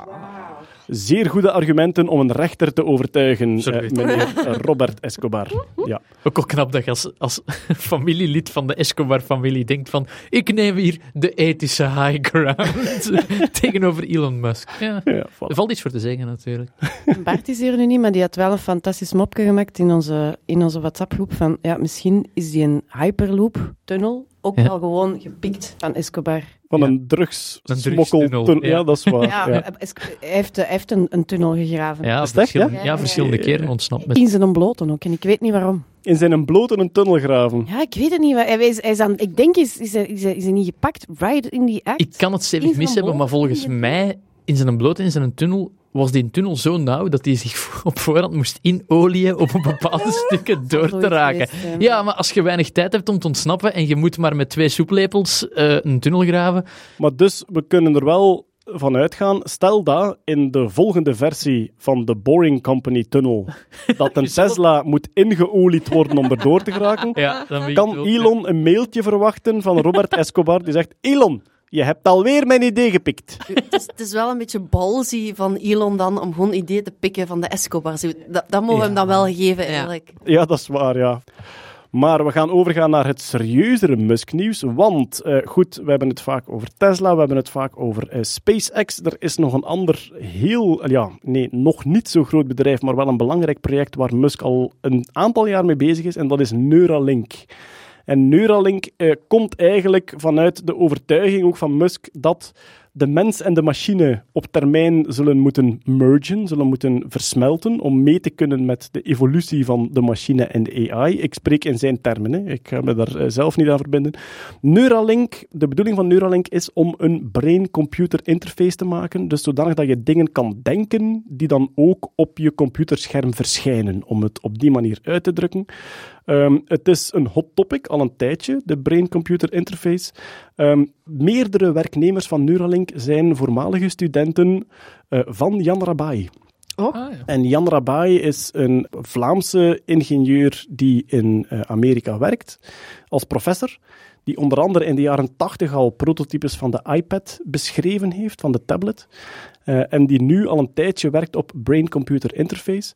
Eh, Neuralink is een, van de, is een van de bedrijven die daar dan echt eh, commercieel mee aan de slag gaat. Want Jan Rabai zegt altijd, ik ben een puur sang onderzoeker. Ik wil dingen creëren, kijken wat er mogelijk is en het commerciële interesseert hem niet. Ehm, maar die hebben een persconferentie gegeven. Hè? Er is een presentatie geweest voor de eerste keer. Uh, ik denk dat twee jaar geleden is, heeft hij aangekondigd van ik ga hiermee beginnen. Uh, dat was allemaal nog heel geheimzinnig. Ik heb de persconferentie gezien. Het bleef een beetje geheimzinnig. Het is te zeggen, ik ben in dubio, zoals altijd, als het gaat over Musk-nieuws. Handig. Ik, uh, ik, was, ik was onder de indruk van wat dat ze hebben gepresteerd, maar het is allemaal toch nog een beetje, ja, het is, het is toch nog een beetje experimenteel. Vertel eens wat dat ze gepresteerd hebben, voor de mensen dat niet gezien hebben. Oké, dus twee jaar geleden waren ze nog bezig over die, over die neural dust. Hè, dat ging dan over elektronen, zeg maar, sprinkelen in het brein. Want we moeten misschien even duidelijk maken, wat wil je doen als je informatie uit je brein wil halen? Dan moet je... Je neuronen vuren en je kunt die elektrische pulsen detecteren. Mhm. Alleen, op dit moment hebben wij nog geen idee hoe dat je dat omzet naar wat betekenen die gedachten nu. Maar dat willen ze doen door patroonherkenning. Namelijk, stel dat jij op 10.000 plaatsen in je brein een signaal krijgt en je zegt van, denk nu een keer 100 keer aan aardbeien en nu een keer 100 keer aan autoracen, misschien vinden we wel een patroon dat je die kunt linken. En dus de grote uitdaging is, hoe krijg je vanuit zoveel mogelijk plaatsen in je brein een signaalke waar dat je dan mee aan de slag kunt. Ja, en ze, ze, ze blijven voorlopig nog in de motorische cortex, want dat is het, het simpelste. Als we denken aan bewegingen, uh, en bijvoorbeeld je beweegt je muis naar ergens... Ay, nee, computermuis, jongens. Computermuis. computermuis. Ik zei niks. Uw cursor. Allee. Nee. Dus we zijn ook al vies. Uw pijltje. Oh Ja, nee, my ja, nee, nee. Ik, heb- ik moet zeggen, ik heb de podcast van vorige maand beluisterd. We zaten wel Randje, gigantisch, vaak, gigantisch vaak in, laat ons zeggen, de regio van de heupen voor en achterkant. Ja, dus we gaan dat proberen beperken. Het gaat mislukken, maar we Dat gaan is, dat is proberen. omdat we in uw tuin zijn. nu dat Ja, je het dat waar, is, ja. dan zeker. Nee, goed. Maar bon. Nee. Ja, motorische dus Motorische weer. cortex, waarom? Eh, denk je aan bewegingen en dat, dat, is, dat is heel duidelijk. Dat is heel duidelijk te lezen uit, uit, uw, uit, uw, eh, uit uw hersenpatronen. Dus dat, dat kunnen ze wel. Ze kunnen wel zien, als jij denkt van ik ga naar links of ik ga naar rechts, hè, dat, dat is heel makkelijk te lezen, dat is heel makkelijk te decoderen. En dus de eerste toepassing zou dan ook zijn om mensen met een verlamming, een halfzijdige verlamming, een volledige verlamming, om die te kunnen laten via die interface met een computer werken, bijvoorbeeld, of met hun telefoon. Dus die sensoren, die zijn heel belangrijk. Eh, wat ze nu hebben gemaakt, zijn een soort heel dunne draden, waar dat die elektroden op zitten. En die draden zijn echt, allee, wat was het, een tiende of een honderdste van een menselijk haar. 6 micrometer was het. Gigantisch, gigantisch klein. Heel klein, dat is, dat is, dat is echt... eh, Denk dan iets klein. Of Ja. veel kleiner. Maar ja, daar komt het op neer. Maar goed, je, daarnet sprak je over neural dust. Ja. En dus neural dust wil zeggen, dat was ook wat hij- het idee waar Jan Rabai op zat, je maakt je sensoren draadloos Ja. En je maakt die zodanig klein dat dat eigenlijk minuscule zandkorreltjes worden, die kleiner zijn dan wat het afweersysteem detecteert. Ja. En die strooiden over heel de hersenen en die sturen draadloos signalen naar buiten. Zitten die aan de buitenkant van uw schedel? Of? Ja, wacht, want die neural duster zijn ze nu niet meer, dat, daar wordt niet meer over gesproken. Ze hebben nu die draden. Neural dust was in uw hersenen, In, ja. via de bloedbaan in uw hersenen, maar nu zijn ze daarvan afgestapt en Ja. nu willen ze draden implanten waar de elektroden op zitten. Die draden in die... Ja, voilà. En om die te implanteren, en dat vond ik eigenlijk het meest eh, indrukwekkende van al, is dat ze gewoon zelf een chirurgische robot hebben gemaakt. En dat is een soort, ja, een soort robotarmkruising met een naaimachine. Ja, het is een naaimachine. Het is een naaimachine, maar met een heel dun naaldje, die dan heel precies ook, je moet natuurlijk weten waar dat je dat steekt. Je wilt geen bloedvaten eh, raken. Eh, dat vond ik eigenlijk het meest indrukwekkende van al wat ik heb gezien. Gesteld dat het effectief is getest en dat het werkt, en zij beweren van wel. eh, ja, dat, dat op zich vind ik al een geweldige Dus prestatie. ze doen die schedel open. een heel, ze maken een heel kleine incisie, ik denk dat 2 mm is. Daar En een trekken ze- laser. Trekken ze, ja, dat trekken ze een klein beetje open en daarin gaan die draden worden gepositioneerd. Maar dus hoogstwaarschijnlijk krijg je dan een, een hersenscan, Mhm. wordt uw schedel geïmmobiliseerd en op basis van die hersenscan gaan ze die draden zodanig steken dat die zo weinig mogelijk hersenschade veroorzaken. En die draden zijn, als je het vergelijkt met de huidige brain implants die je al hebt voor hele zware Parkinson-gevallen enzovoort enzovoort, die draden zijn gigantisch veel kleiner Ja. en zijn ook flexibel, ze zijn niet star. Dus ze kunnen meebewegen met de hersenen als die zich verder ontwikkelen. Dus ze zitten duidelijk wel op een zeer doordacht spoor. Mhm. Alleen, ja, of het ooit echt gaat werken, dat je dingen kunt denken die op je scherm verschijnen, dat is een open vraag. hè. Ik wou nog zeggen over die robot, wat ik daar ook zo... Allee, eh, wat zij zeiden van, wij willen eigenlijk een procedure die vergelijkbaar is met LASIK. Dus dat is eh, eh, laser eye surgery. Hè. Laseren van uw lens. En dat was heel slim uitgedrukt, omdat dat tegenwoordig een aanvaarde chirurgie is. Exact. Zonder, zonder eh, alge- algemene anesthesie, onder lokale anesthesie, binnen, buiten enzovoort. ja. Ja. Ehm, maar, maar ja, dus je hebt, die, je hebt die sensoren, je hebt die elektroden op die draden en dan heb je die chips. Ze wouden, hun plan is om vier chips te implanteren volgend jaar in menselijke patiënten. Eh, alle vier in de motorische cortexregionen bij mensen die eh, verlamd zijn. En daar die mensen dan mee leren. eh, Want er, is natuurlijk er is een trainingsmechanisme aan. Hè. Ik bedoel, ze willen het koppelen aan een iPhone-app. Dat mij dan weer niet zo slim lijkt, maar bon. Dus eigenlijk, wat dat ze willen is volgend jaar die sensoren implanten bij die mensen. Die mensen laten trainen om via die BMI, via die app te leren om met je gsm eh, commando's uit te voeren. En ja, dan hebben ze ook heel veel gezegd over, over de chips zelf, die, die, die blijkbaar heel eh, indrukwekkend zijn. Het is nu spijtig dat Marianne er niet bij is, want ik ken daar technisch gezien niet, niet zoveel over. Maar dat is allemaal heel schoon en dat is allemaal heel gaaf. Maar hetgeen wat ze tot hiertoe hebben gedaan, is... eh, en dat, dat is dan een van de foto's die zijn, die zijn viraal gegaan, is eh, ze hebben een, een prototype in een muis gestoken en dat is eigenlijk gewoon een USB-stick in de muis zijn kop. Ze hebben dus inderdaad, ze hebben, bij een muis hebben ze al een prototype ingeplant. Ze hebben die foto publiek gemaakt, wat altijd een risico is, want je weet dat er backlash komt als je Mhm. een muis ziet met een soort metalen Ja. blok op zijn kop. Maar, wat staat er bovenaan op die muis? Een pijltje met USB-C. Ja. Ja. En dan denk ik bij mezelf, ja, kut. Je koopt zo'n muis en dan moet je een dongle kopen om dat te kunnen aansluiten op uw Firewire, uw HDMI en uw gewone USB. het is wel beter voor de muis, want van de eerste keer zit het wel juist met uw aansluiting. Dus het is niet dat je zo ene keer, twee keer, drie keer... Wat dat voor de hersenschade weer alweer scheelt. Maar dat, dat ging dan blijkbaar puur over de hoeveelheid data die je kunt overdragen. Als, de bedoeling is uiteindelijk natuurlijk dat het wireless wordt, maar in dit geval ging het sneller en je kunt meer data overbrengen via die USB-C blijkbaar. Dus dat was daar nodig voor. Ik ben ook gaan kijken naar de reacties op Twitter en zo. eh, eh, neuroscience Twitter was, was, was, niet, eh, was niet mee. De- Vanuit de neuroscience waren ze Nee, sceptisch. Nee, ze ja. waren zeer sceptisch. Het helpt ook niet als je een neurochirurg op het podium roept die daar dan in full eh, gear staat, in zijn, In zijn operatiekleding. operatiekleding. Serieus? Ja, echt. Ja, het was, het was, laat ons zeggen, en ik ben misschien te veel advocaat van de duivel, maar het was een blauwe t-shirt die er verdacht veel uitzag als een Dat waren operatie-t-shirt. scrubs. Dat waren echt. Scrubs, Dat ja? Ja, tuurlijk. Echt ja. operatiekamer Ja, voilà, echt gewoon om te laten zien van, ja, ik werk in een operatiekwartier.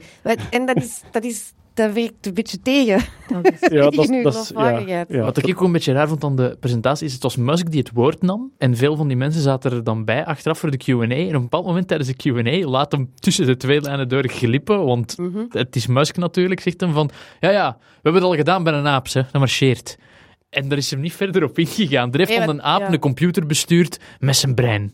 Waarop, dat, waarop dat een van die andere mensen zegt, I didn't know we were going to share that information today. Waarschijnlijk omdat hij goed weet wat voor backlash dat je daarop... Ik bedoel, een muis met een blokijzer in haar kop is al riskant, maar een aap met een blokijzer in zijn kop, dan weten dat je gigantische backlash krijgt. Mijn reactie was meteen van die aap heeft een computer weten te besturen en is al twee jaar in charge van Elon Musk zijn Twitter-account. Hey!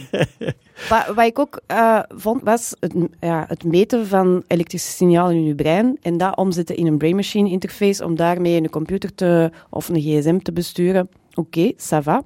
Maar zij zeggen, ja, we willen ook omgekeerd werken. Hè? Hij zegt, it's a two-way interface, dus hij wil ook informatie in je brein binnenbrengen. Ze willen ook informatie geven vanuit een computer of vanuit iets anders, vanuit de buitenwereld. Want het is, is brain-machine interface, maar eigenlijk is het eh, buitenwereld-machine interface. Brain, brain world interface. Ja. Zoiets, ja. Dus eh, een van de voorbeelden die ze gaven om omgekeerd te werken was eh weer in die motorische cortex, want die, die, weet, die kennen we heel goed. We weten heel goed welk gebied dat voor wat werkt.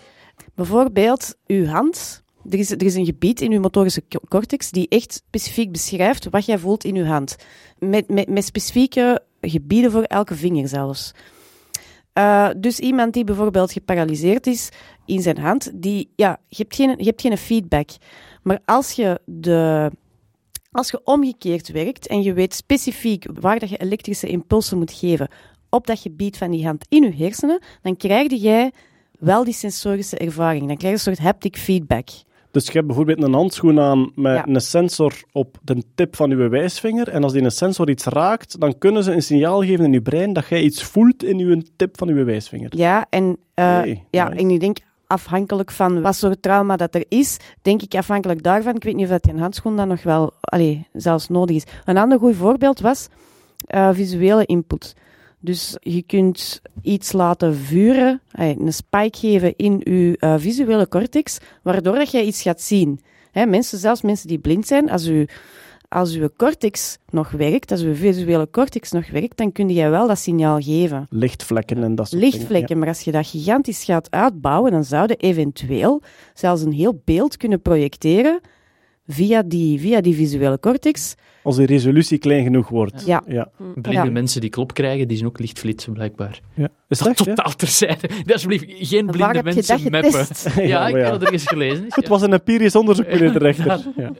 Wat aan mij wel opviel, en dat is typisch voor Musk, dat is dat hij echt wel al een businessplan klaar heeft nu al, als zijnde, hij zegt uiteraard niet, kom volgend jaar allemaal naar mijn kliniek en je kunt sms'en met je kop, dat zou gek zijn. Hij gaat onmiddellijk naar de patiënten die het nu al nodig hebben. De mensen die met locked-in-syndroom zitten, die nu al zeer invasieve breinimplantaten krijgen. Dus hij zegt nu heel duidelijk, wij kunnen voor die mensen een veel betere oplossing eh, maken. En hij zei zelf, wij kunnen daar bedrading in hun brein steken die veel minder invasief is en die volgens hem duizend keer meer informatie buitenhaalt. Dus duizend keer meer als het gaat over aantal meetpunten en gevoeligheid ervan. En natuurlijk is dat, dat is een heel schoon geleidelijk pad om dat geïntroduceerd te krijgen. Je kunt echt vanuit een medische noodzaak heel nuttige dingen doen en van daaruit verder uitbouwen naar iets dat misschien ooit, voor wie het wil, gewoon in uw kop kan ingeplant worden. Ja, ik denk niet dat had hem het over syndroom. Onder andere, ja. Ah ja, want eh, ik denk dat de, de, de, grootste, allee, de prioriteit ging naar mensen met een ruggenmerg, een ruggenmerg Mm. eh, Ah, mensen met een spinal cord injury. spinal cord injury, ja, oké, ja. Dus die, Vertaalt je dat in het Nederlands? ja, die, die, die inderdaad, hun, hun signaal, omdat hun ruggengraat beschadigd is, Ja. komt het signaal niet tot aan de benen bijvoorbeeld. Maar het signaal is er nog wel en dat wil hij uitlezen in de hersenen. Ja, dat, dat zou het makkelijkste zijn om mee te werken, denk Ja. ik. En inderdaad, ja, dat zijn, er is ook weinig... Dat, die enhancement gaat sowieso later komen, maar je ziet ook wel dat hij daar het meest... Want in het begin van die, in het begin van die, eh, van die presentatie is hij heel hard bezig over mensen met neurologische problemen, maar je, je ziet dat hij pas enthousiast wordt als het gaat over enhancement. Hè? Ja, dat Daar is zijn, dat is zijn doel. hè, Ja, dat weet, dat, ja, dat weet hij gewoon. Mm.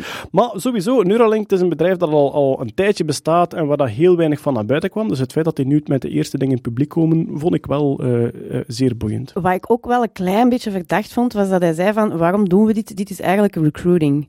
En op het einde zeggen ze ook echt van, als je, ja, als je nu hier naar kijkt en, en je, hebt, je hebt technologie of je hebt kennis over die dingen die wij nog niet hebben, kom talk to us. En ik vond dat ook een beetje triestig. Allee, zo van, ik voelde zo ergens iets van, zit ik al nu vast? Of wat is Ja, het nu? ja, je kunt dat op twee manieren interpreteren. Je kunt zeggen van, ofwel vraagde van, heeft er nog iemand een idee? Dat is interpretatie 1. Interpretatie 2 is, wij zijn zodanig snel aan het groeien, dat wij te weinig mensen hebben die hier kennis van hebben. En dat was, alweer misschien vanuit een optimisme, dat was mijn interpretatie. Dat ze zeggen van, kijk, het gaat nu echt wel gaan gebeuren. We hebben veel meer personeel nodig met kennis van zaken. Ja. Dus als je neuroloog bent, chipontwikkelaar enzovoort, elektronica-man, eh, zeker biologie en elektronica gecombineerd, Mhm. kun je nu gaan solliciteren en kun je waarschijnlijk eh, voor Neuralink gaan werken. Goed, ik denk dat we Musk daarmee gehad hebben, maar eh, zoals beloofd, eh, er was nog één gorilla die het, eh, ja, die toch wel ehm, redelijk wat avontuurtjes beleefd heeft, Jeroen, en dat was onze goede vriend McAfee. McAfee, ja, John McAfee van, van McAfee Antivirus kent u hem, maar de laatste tijd helemaal niet meer verbonden met dat bedrijf. Ik denk dat hij dat zeer spijtig vindt dat die man nog altijd de naam McAfee heeft. Maar die is zelf verklaard crypto-specialist. Heeft ook al een paar keer voor de Verenigde Staten van Amerika voor de president gerund en maakt een kans, als ik de geschiedenis mag bekijken. Ehm, de laatste tijd is hij op de vlucht voor verschillende overheden, want eh, hij heeft niet alleen eh, fraude gepleegd met heel veel geld, hij heeft een tijd in Belize gewoond, waar hij zijn buurman waarschijnlijk vermoord heeft eh, en waar hij gevlucht is. Hij heeft nu ook fraude gepleegd met Amerikaans geld en is sinds lange tijd is hij op Twitter aan het zeuren over cryptocurrencies, zoals hij altijd doet. Hij is ook de man die in 2020 zijn eigen piemel gaat opeten als bitcoin niet boven het miljoen staat. Maar nu heeft hij ook een soort van wapenobsessie gekregen. En regelmatig post hij op Twitter post hij, foto's van zichzelf met heel veel wapentuig en van zijn, zijn, nieuwe, zijn nieuwe vlam met heel veel wapentuig. En dus volgens hem uit zelfbescherming, Uit zelfbescherming omdat er zoveel overheden achter hem aan zitten. Absoluut, ja. Nu, die, die vaart rond op een jacht in Centraal-Amerika en de mensen van de Dominicaanse Republiek hadden zoiets van "Mm, gekke kerel met de volautomatische geweren die op een jacht in onze zee rondvaart. We gaan die toch even oppakken. En dus er is vier dagen zijn speculatie geweest van is hij opgepakt door de CIA, wie heeft hem? Nee, hij heeft gewoon vier, vier, vier dagen in een havenstad gezeten te verantwoorden van waarom staat jij op uw boot met wapens te zwaaien? You're making the people uncomfortable. De kinderen zijn bang, Ja. meneer McAfee. Ja. Maar iemand had toch zijn Twitter-account overgenomen? Ik heb dat maar Ja, half ehm, gevolgd, maar... er zit een team achter en dat team zit niet samen met hem op de boot. En, en dat team had dus al een paar uur niks meer van hem gehoord. En dan stond hij meteen, stond meteen in reperoer van ja, de CIA heeft hem gepakt. Hè. Het is, eh, nu, gaan de, nu gaan de poppetjes aan het dansen. eh. ja, het ook van, van het moment dat hem zoveel uur niet gecontacteerd werd, ging hem eh, geheimen over eh, de alle groten der aarde ging hem, ging hem spillen. Allemaal niks van gekomen, gek genoeg. Dat was inderdaad zo, ja, een assistent van hem die op zijn Twitter-account dan Ja. zei van, eh, dit is niet John McAfee, dit is meneer X, zijn assistent. Ehm, hij is van de radar verdwenen, we maken ons grote zorgen. Maar ik wil duidelijk maken aan iedereen eh, die dit leest, als hij binnen de zoveel dagen niet terecht is, dan zijn er mechanismen waardoor Ja. allerlei geheimen die hij kent, internationaal ja. bekend gaan worden enzovoort. Enfin, het was een heerlijke Topkerel, soap om te volgen. Ja. En de beste tweet die erover kwam was toch van, ah ja, tja, blijkbaar heeft de CIA ook beslist om McAfee te desinstalleren. Ja, schitterend.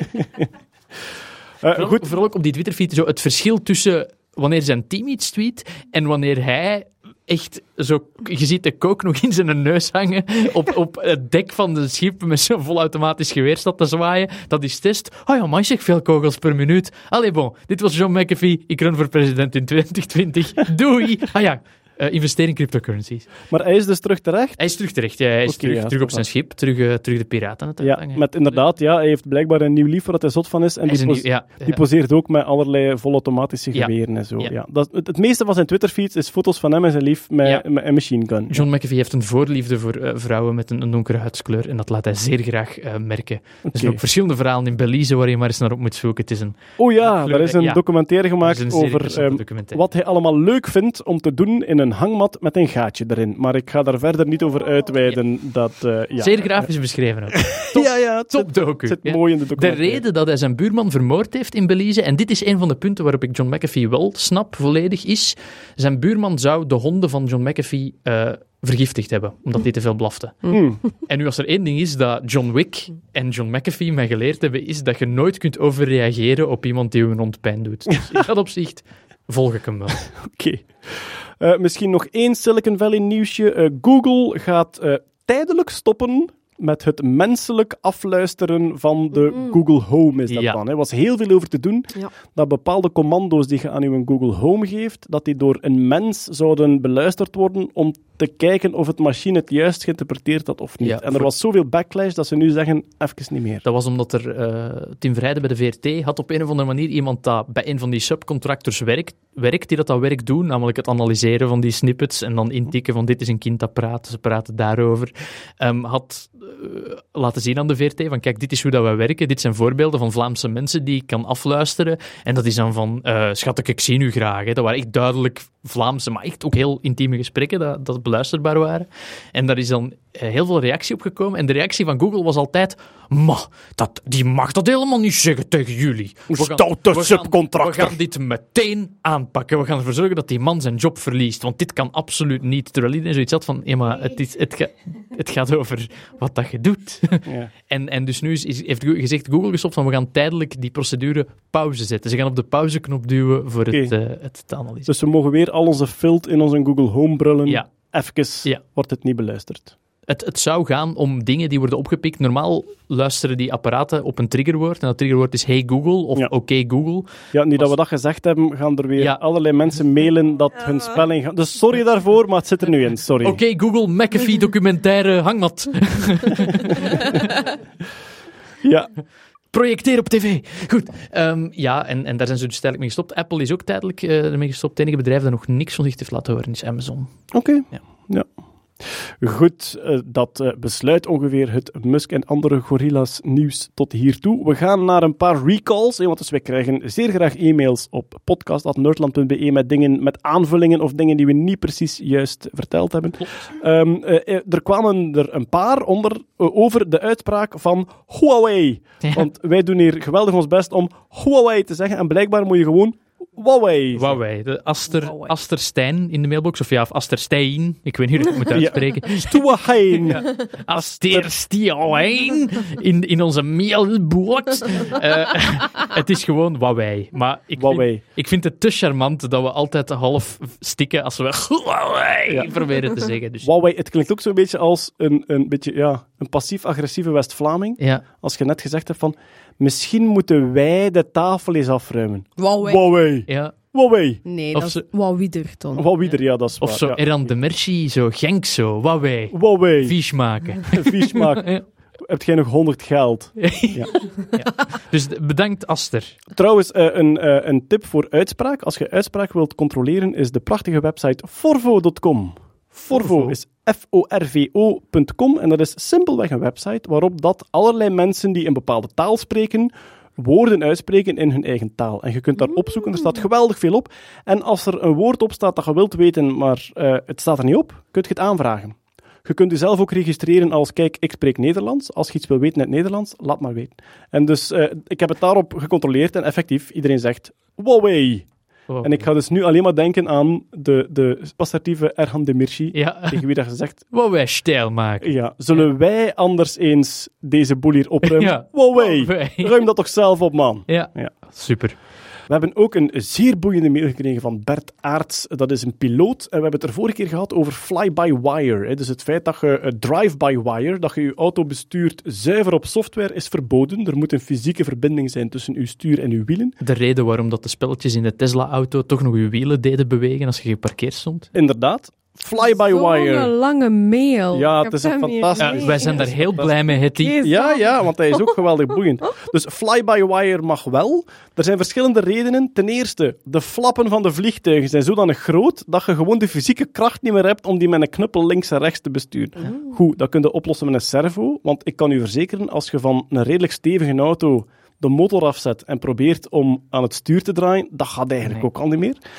Maar de reden waarom het in een vliegtuig wel veilig geacht wordt, is redundantie. Namelijk, uw vliegtuig heeft drie computers aan boord.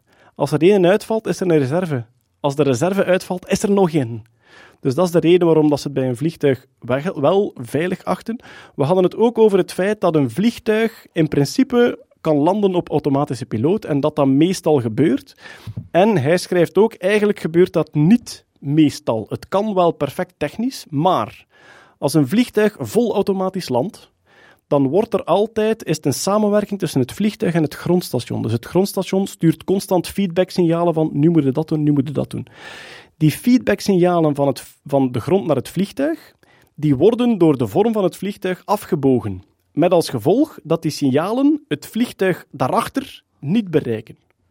Dus als jij vol automatisch landt, wil dat zeggen dat er in een grote afstand achter u geen ander vliegtuig mag vliegen. En dat, dat vermindert de capaciteit van de luchthaven, omdat er veel minder vliegtuigen tegelijk kunnen landen. Allee. Dus wat doen ze meestal? Ze vragen aan het vliegtuig: breng mij een keer in de ideale positie. En dat vliegtuig gaat automatisch vliegen tot op de juiste hoogte, juiste afstand, juiste daalhoek van de luchthaven. En dan zegt het vliegtuig: neem nu manueel over. Piloot neemt manueel over, waardoor er een vliegtuig korter achter hem kan vliegen om ook manueel te landen. In geval van mist wordt er wel automatisch geland. En dan kunnen er dus veel minder vliegtuigen landen en krijg je hele lange files, hele lange ja, wachttijden om te mogen landen. Dit, dit, eh, dit eh, vliegtuignieuws deed mij ook denken aan die Airbus A350, denk ik, waar dat al veel, heel veel problemen mee waren. Nu is, nu is gebleken dat, dat eh, gebruikers van dat product, gebruikers van dat product, ja, piloten, dat die de, de instructie kregen om het vliegtuig om de 149 uur minstens ene keer volledig uit en aan te zetten. Omdat je anders risico partial or total loss of some avionic systems or functions. 2019. Dus, dus Ja. ergens zit er een fout in de software. En ja, dan kun je het beter eens, eens starten om de zoveel uur, want anders... Ja, tuurlijk. Een keer af en aanzetten, nee. daar lossen we alles Ja. mee op. Ja. Niet, niet, ja, preventief af en aanzetten, eigenlijk. Ja. En ehm, we hebben ook over Starlink hebben we, eh, redelijk wat mails gehad. Over Starlink hadden we gezegd dat er waarschijnlijk geen tijdswinst was met een ehm, draad, dus met een glasvezeldraad op aarde. Wat blijkt? Absoluut wel. Wat blijkt nog meer? Dat is het grootste businessplan van Musk. Dus we zaten er compleet naast wat dat betreft. Ehm, en de reden... Jij zat er Ja, dat is waar. Ik zat er... Nu beginnen we het op elkaar te steken. Huawei. Huawei. Ja, wij zaten er Ik zat er ja. compleet naast. Maar dus, eh, en ehm, eh, ja, ik vind het fantastisch omdat het ook een zuiver natuurkundige reden heeft, namelijk de lichtsnelheid in een medium, zoals in een glasvezel, is trager dan in een vacuüm. Dus als je een glasvezel legt van Londen naar New York, en die gaat in een rechte lijn zonder onderbreking, zelfs dan is het licht trager dan als je het eerst omhoog stuurt en dan door het vacuüm naar daar stuurt. En de tijdswinst was gigantisch. Ja, het is het was van gigantisch. 60 milliseconden naar Botst ook in 40. glasvezel, Ik wist het ook niet. Ja. Het botst links en rechts, ja, klopt, ja.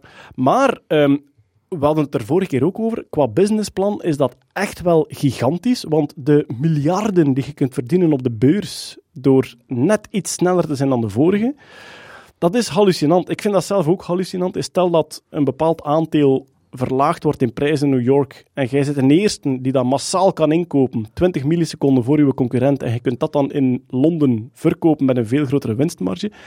Wat ik daar frappant aan vind is, economisch snap ik het, maar volgens mij heb je geen enkele meerwaarde gecreëerd. Nee. Je waren gewoon iets rapper, maar je hebt een bakker bakt een brood en die koopt meel en gist en ingrediënten en die creëert een meerwaarde door van die ingrediënten een brood te maken. Maar iemand die een paar milliseconden sneller is op de beurs, heeft wereldwijd geen meerwaarde gecreëerd. Maar wordt volledige er wel... beurs is, is zo virtueel eigenlijk. Ja. Ja, maar dus eh, dat zou het grootste businessplan zijn om, die, eh, Starlink, om dat Starlink-netwerk in eerste instantie te lanceren. Alweer een beetje gelijk dat we daarnet hadden met, met eh, Neuralink.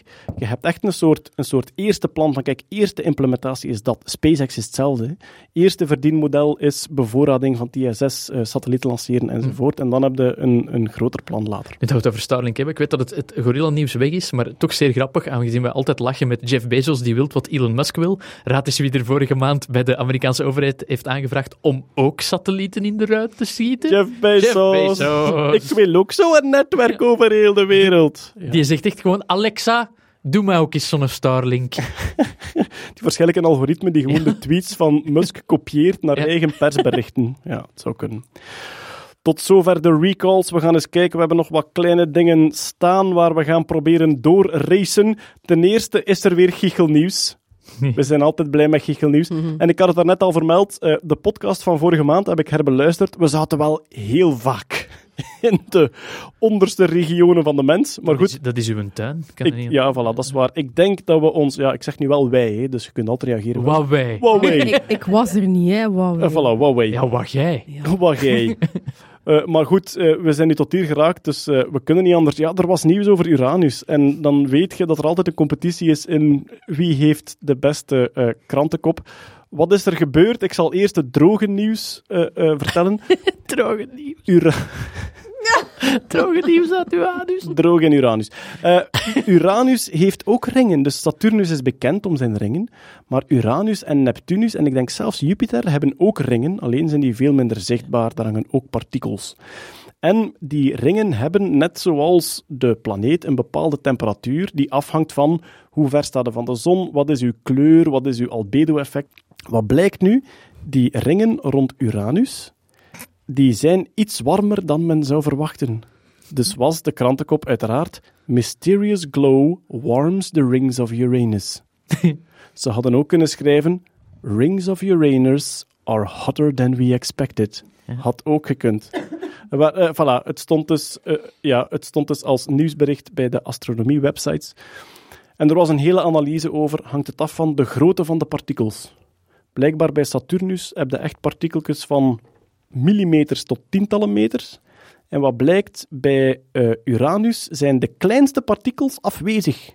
Dus echt de hele kleine korreltjes zitten waarschijnlijk niet in die ring.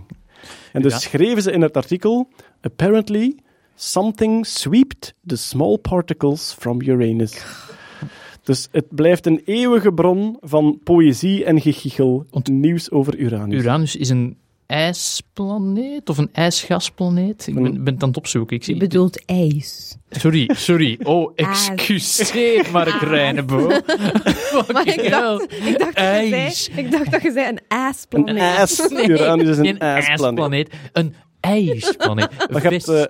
Vis. Je hebt de gasreuzen en de ijsreuzen. En dus Ja. Jupiter is een gasreus. En ik denk dat Uranus... Uranus en Neptunus worden ijsreuzen genoemd. IJsreuzen. Sorry. Ja, voilà. IJsreuzen. Dit is waarom ik Ah. nooit bij Studio Brussel gemaakt heb. Oké. IJs, ijs, IJs, baby. Dum, dum, dum, dum, dum, dum. Eh, Oh man, nu ga ik voor de rest van de podcast op u letten. Goed, over naar de technologie. 5G, er is geweldig veel over te doen, zowel toch technologisch als geopolitiek. Maar blijkbaar is de nieuwste conspiracy theory online gaat hem over de gezondheidseffecten van 5G. Ja. En het regent blijkbaar. Je krijgt er kanker van, en je krijgt er dit van, en je krijgt er dat van. En het blijkt, voor zover ik het kan controleren, het blijkt echt nergens op gebaseerd. Dus het is een soort nieuwe golf van... Het is de nieuwe golf. Het is hetzelfde als, als met 4G of met gsm of met wifi-signalen. Dat mensen die... Want, want uiteindelijk 5G is slechts een hele kleine variatie op het wifi-signaal dat we allemaal al hebben. En ja, er zijn mensen die zeggen van we kennen... Nee, je hebt twee soorten conspiracy. Je hebt de mensen die zeggen we kennen de lange termijn effecten daarvan nog niet. Klopt, we hebben nog niet zo lang wifi en gsm-signalen, en, maar dat is zorgvuldig getest en er is voorlopig absoluut geen stijging te zien in het aantal tumoren dat daarmee te maken hebben. Tegenover... Er Maar we, kennen ook niet de lange termijn effecten van luisteren naar Billie Eilish. Dat kennen Nee, we ook niet. dat kennen we niet. Eh, dus wie weet. Eh, en er zijn mensen die zeggen van... Want er is in Nederland is een experiment geweest eh, waar dat er vogels waren doodgevallen, maar dat was in een totaal andere context. En dat was nog voordat er 5G was geïntroduceerd. Dus er worden zo, ja, conspiracy gewijs worden er twee experimenten met elkaar gemixt. En ja, dat is... Uiteraard is het een Facebookgroep die al 20.000 fans heeft, die dat zegt geen 5G in mijn Omgeving. omgeving. Ja. Oké, maar ja, dus eh, sowieso, ehm, maar, als iemand het ziet passeren, wees daar sceptisch over. Ik, ja, het zou ook onwetenschappelijk zijn om te zeggen, eh, schop het direct onder de mat, Nee. absoluut niet. Maar go to the bone en zoek van waar komt het en wees zeer alert voor cherrypicking. De kans dat het een schadelijk effect heeft is zeer, zeer, zeer, zeer onwaarschijnlijk, maar niet nul. En als je u volledig wilt scharen achter zeer, zeer, zeer, zeer onwaarschijnlijk, dan zijn er nog wel andere clubs op het internet waarbij dat je kunt... eh, Thera, thera, thera, thera, Ja. cinco. inderdaad. Maar in het kort, wat is, er de, wat is er zo anders aan 5G? Wat zou, wat zou daar dan fysiologisch gezien anders kunnen... Het is, ik denk, een iets kortere frequentie. Het is, een iets, het is een iets kortere frequentie. Nu ben ik Dus dan is het ook iets energetischer, Ja. maar heel veel van hoeveel data krijg je op een golflengte, heel veel komt neer op eh, ten eerste wiskunde. Hè? Hoe, hoe, hoe kun je heel je Fourier-analyse en hoe kun je data eh, eh, verstoppen of onderbrengen in verschillende golflengtes. En vooral ook technologie. Hè? Hoe gevoelig zijn uw chips en hoe goed zijn uw antennes om dat uit te zenden. Ehm, Iets hogere frequentie dan 4G, maar nog altijd onder de frequentie van wifi die dat we in ons dagelijks huishouden overal ja, hebben. voilà. Ja, Ja. maar dus de mensen die ja. nu al bang zijn, allee, die nu al erover, van overtuigd zijn dat wifi schadelijk is, die Ja, gaan het is, het is voer, Ja. Ja. Maar ja, daar hebben we intussen wel al lange termijn studies van. En het komt zo zodanig veel overal voor, wifi, dat je daar wel al... Wat als ze als argument gebruiken, is dat er meer tumoren gedetecteerd worden sinds, eh, sinds dat er wifi is. Maar nee, dat is gewoon omdat de, de detectieratio Ja. van tumoren gewoon enorm gestegen is. Het is al kunnen beamen. Ze kunnen nu gewoon veel meer detecteren. Dus ja, correlatie, geen causatie. Ja, bla, bla, dat, bla. dat is een van de punten van, ehm, is het de, de, ah, de Flying Spaghetti Monster van de religie. Een van de punten is dat ehm, het klimaat wordt steeds warmer naarmate er minder piraten zijn op de wereld. Ja, klopt. Ja. Dus is, hun punt is, we moeten meer piraten maken, zodat het klimaat afkoelt. Dat is een meme hè, van alles vergelijken met aantal piraten. Zo, Ja, het gebruik van Internet Explorer tegenover piraten. En dat was dan ook Ja, van, ja, nee, we moeten allemaal Firefox gaan gebruiken. Ja. Maar je hebt, er is zelfs een website die, die dat constant doet, die constant zo, ja, ehm, ehm, eh, correlaties zoekt tussen compleet die eigenlijk zoveel mogelijk grafieken van allerlei data over heel de wereld samensmijt, om dan, ja, je komt altijd wel toevallig een correlatie tegen. En daar staan wel heel, heel grappige dingen op ook. Beste luisteraars, hier volgt een mededeling door Lieven vanuit de montagekamer. De website waarvan sprake is tylervegan.com. Tyler met een Y en vegan V-I-G-E-N. Maar je vindt hem gemakkelijkst door gewoon te googlen op Spurious Correlations. Spurious Correlations. En Spurious is S-P-U-R-I-O-U-S. En daarop staan dus prachtige toevallige correlaties, zoals het aantal echtscheidingen in de staat Maine loopt prachtig gelijk met de wereldwijde consumptie van margarine. Einde bericht. Goed, naar de biologie, meer bepaald naar de entomologie. En dan kijk ik uiteraard naar Peter Berks hier aanwezig, want wat blijkt, waarschijnlijk insecten en vliegen dan kunnen chronische pijn hebben. Eh, ja, en dan is dat weer voor voor de hele discussie die we hier al een paar keren hebben gevoerd van... eh, Kunnen insecten pijn hebben? pijn of niet? Of emoties? Maar, ja, maar het, het gaat hier, het, het, het experiment ging hierover. Ze hebben wel chronische pijn, maar zij zouden een verhoogde gevoeligheid voor bepaalde temperaturen krijgen die ze anders niet hebben, wanneer eh, bij, en het waren fruitvliegjes, bij die fruitvliegjes eh, pootjes waren geamputeerd. Wie zou dat nu in godsnaam doen, zeg? Ik heb dat al wie kei houdt- veel gedaan. ik voel mij kei slecht. nu. En terecht. Maar, dus, en die, die term heet eh allodinia. Dat zo, ik, ik kende het niet, maar ik heb dus opgezocht en dat blijkt dat je dan na een bepaald trauma gevoelig wordt voor dingen waar je in principe eh, nooit gevoelig voor bent. Dus bijvoorbeeld voor iets verhoogde temperatuur. En in dit geval ging het over temperaturen tot 38 à 40 graden. En daar hebben die vliegen totaal geen probleem mee. Dus kun je, die kan je gewoon op een plaat laten lopen. Normale 25 ga je die plaat dan verhogen tot 30 graden, dan gaan die niks doen. Maar vanaf het moment, of zelfs tot 38, van het moment dat je daar één pootje van gaat amputeren, dan gaan die vliegen beginnen te springen. Wanneer je de temperatuur verhoogt. En daarmee, en ze hebben het dan ook nog bekeken, ze hebben dan ook nog sensoren eraan gekoppeld en ze hebben heel die biochemie erachter proberen te ontrafelen. Eh, het was mij iets te ingewikkeld om op zo korte tijd eh, te kunnen assimileren, maar zij zeggen van kijk, insecten kunnen dus wel degelijk chronisch effect hebben van een, van een trauma. Van een verwonding. Van, van een verwonding. Maar ja. ze hadden ook echt, ze hadden echt ook een, een fysiologische verklaring. Als Ja, dat de zenuwbaan zelf gevoeliger werd en zwaardere signalen doorstuurde na het trauma. Ja, inderdaad, voor dezelfde omstandigheden waar zij in, in, normale in een normaal geval nooit iets voor zouden eh, voelen. Ja. En dan gaat het eigenlijk allemaal over ehm, aanrakingen, temperatuur, eh, die dingen allemaal. Dus eigenlijk gewoon hele banale dingen. Maar het gaat wel over pijn. Ja, maar die discussie hebben we nogal gehad. Heel veel mensen zeggen dan van, ja, maar ja, insecten die kunnen wel pijn hebben en dergelijke meer. Nu, je moet eh, pijn altijd... eh, pijn heeft altijd twee componenten. Je hebt enerzijds de fysiologische component, dus je hebt altijd een prikkel. Dieren en, en, en, en mensen die hebben eh, wat men noemt nociceptoren, dus dat zijn bepaalde receptoren die pijn registreren. En die geven dus een puls naar je hersenen. En daar kan, of daar kan niet, maar meestal wel, zal daar een gedrag uit voortvloeien. Dus je, gaat, je, verbrandt u en je trekt je arm terug. eh, nu, dat, is dan, dat gaat dan niet tot aan de hersenen, maar goed. eh, maar dat zie je bij insecten ook. Dus bijvoorbeeld, je kan een wandelende tak, een gloeiend element tegen, of bijna tegen dat beest houden, en dan gaat hij zich daarvan afkeren. Die voelt dat het te warm wordt en dan gaat hij zich daarvan... eh, Dus je hebt een signaal en een Ja. gedrag. Ja. En wij leiden dan daaruit af van, ah ja, maar kijk, maar dat beest denkt daarover na. Maar, maar meestal is dat gewoon instinctief.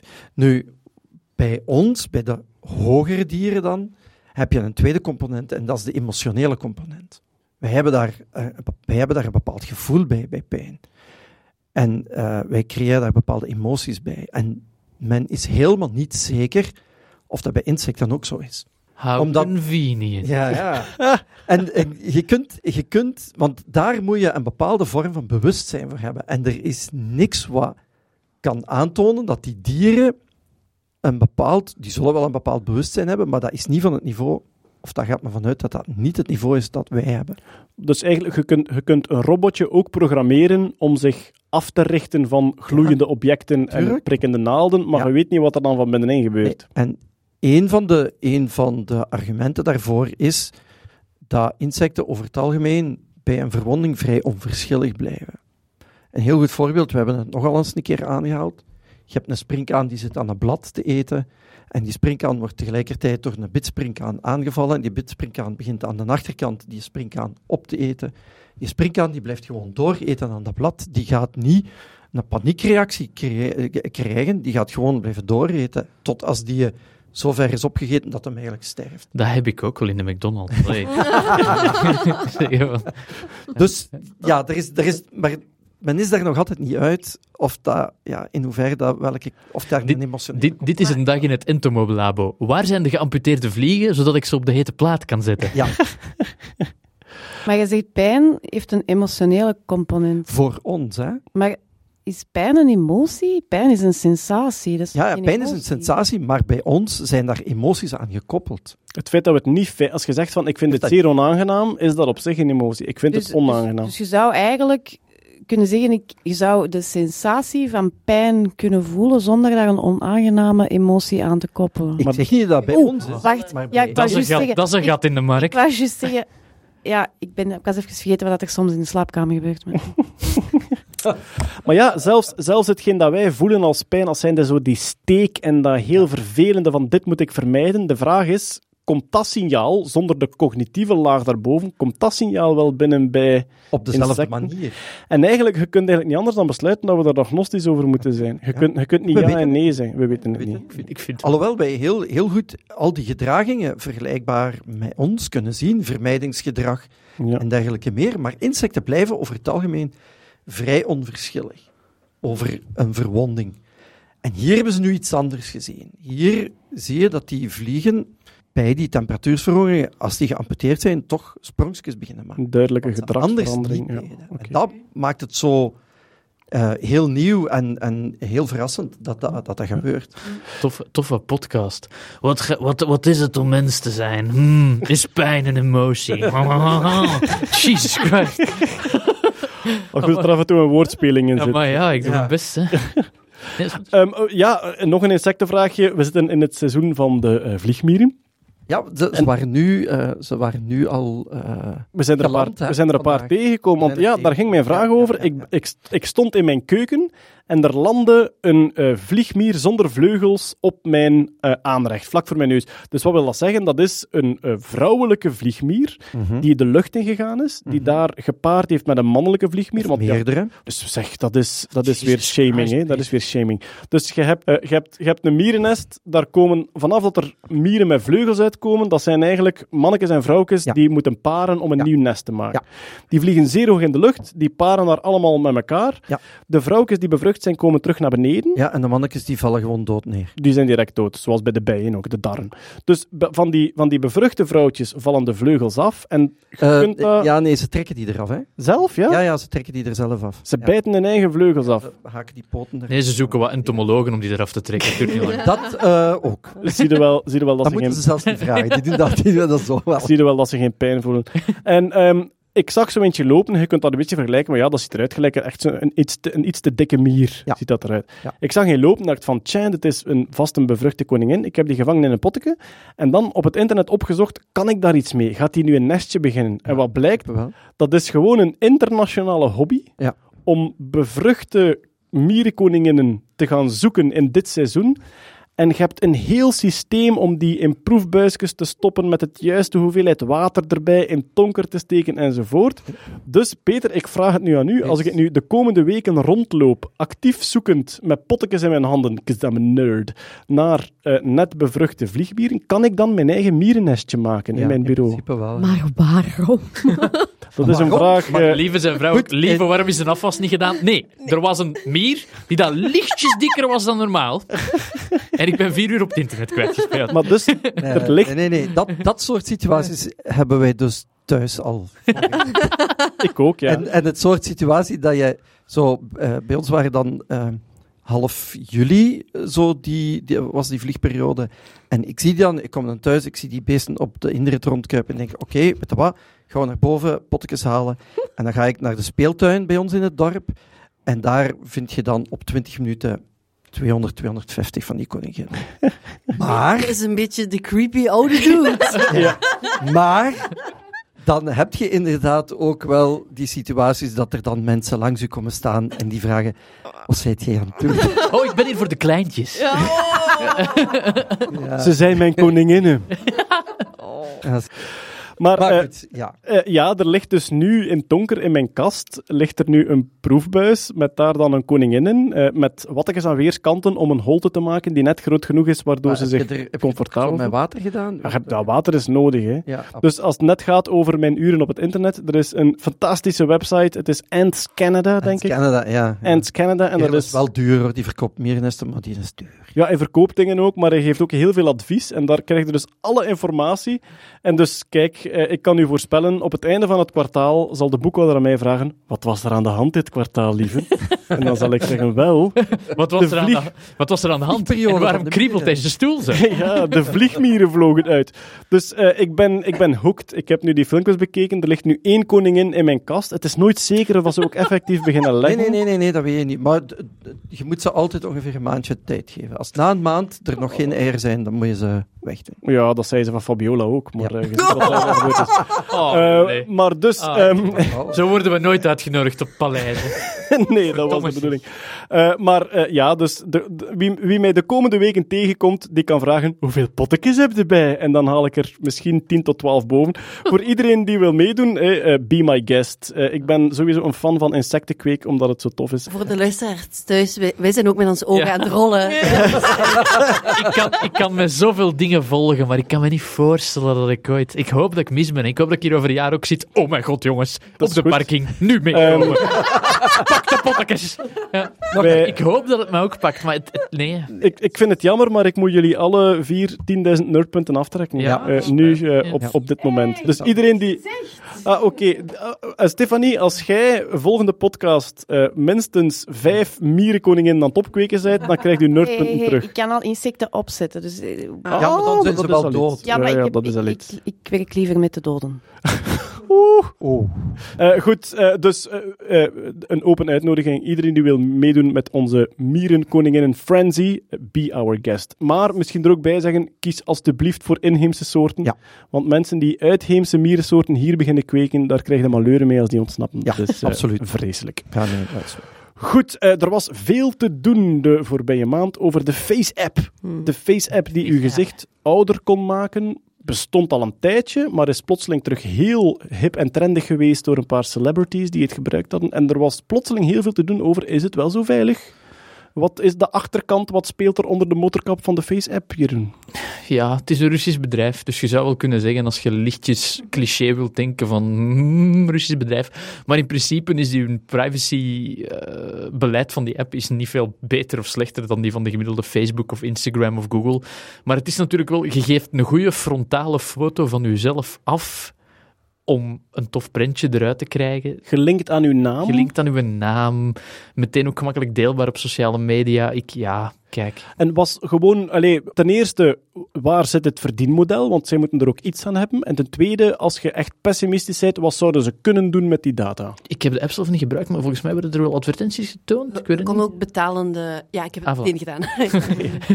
Ja. Dus zeg het uit, heel slecht. Maar ze, ze hebben advertenties. En als je pessimistisch bent, zou je kunnen zeggen van ze hebben nu een gigantische database met gezichtsherkenning op basis van uw naam. Ja. Die ze in de toekomst misschien kunnen gebruiken. Bijvoorbeeld, Ja, ja. oké. Een gestructureerde verzameling van eh, naam- en gezichtsdata. Ja. En je kunt daar de goede en de slechte kant mee uit. Het, het leukste vond ik van, om dat algoritme om Ja. dat telkens dezelfde foto aan zichzelf te voeren. En dan kwam dat dan aan een tijd echt zo. Dan kwam er zo. Ja, een albumhoes van Tool kwam daaruit precies. Als we En dan- steeds ouder laten zo, maken. Zo, zoiets met, met meer rimpels en dan kwamen er extra ogen bij en dit en dat. Omdat het algoritme natuurlijk na een tijd begon te flippen. Hè, als Want hoe iemand kan ik dit nog ouder maken? nog Ja. ouder maken. Ja. Je kon Ah, ouder en jonger en je kon het in twee kanten laten gaan. Dat vond ik wel weer wel cool. Ah, oké. Ja. Ja.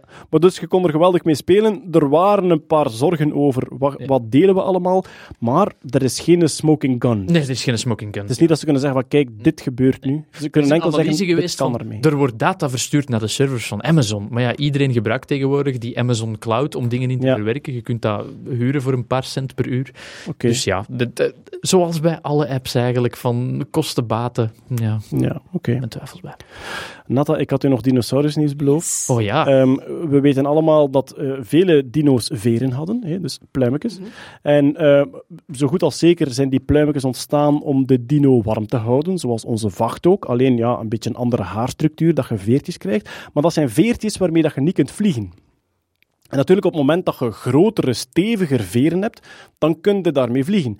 Maar dat is al lang een evolutionair probleem. Je hebt niets aan een halve vleugel. Hoe kun je, evolutie gaat geleidelijk, hoe kun je geleidelijk aankomen tot een functionele vleugel?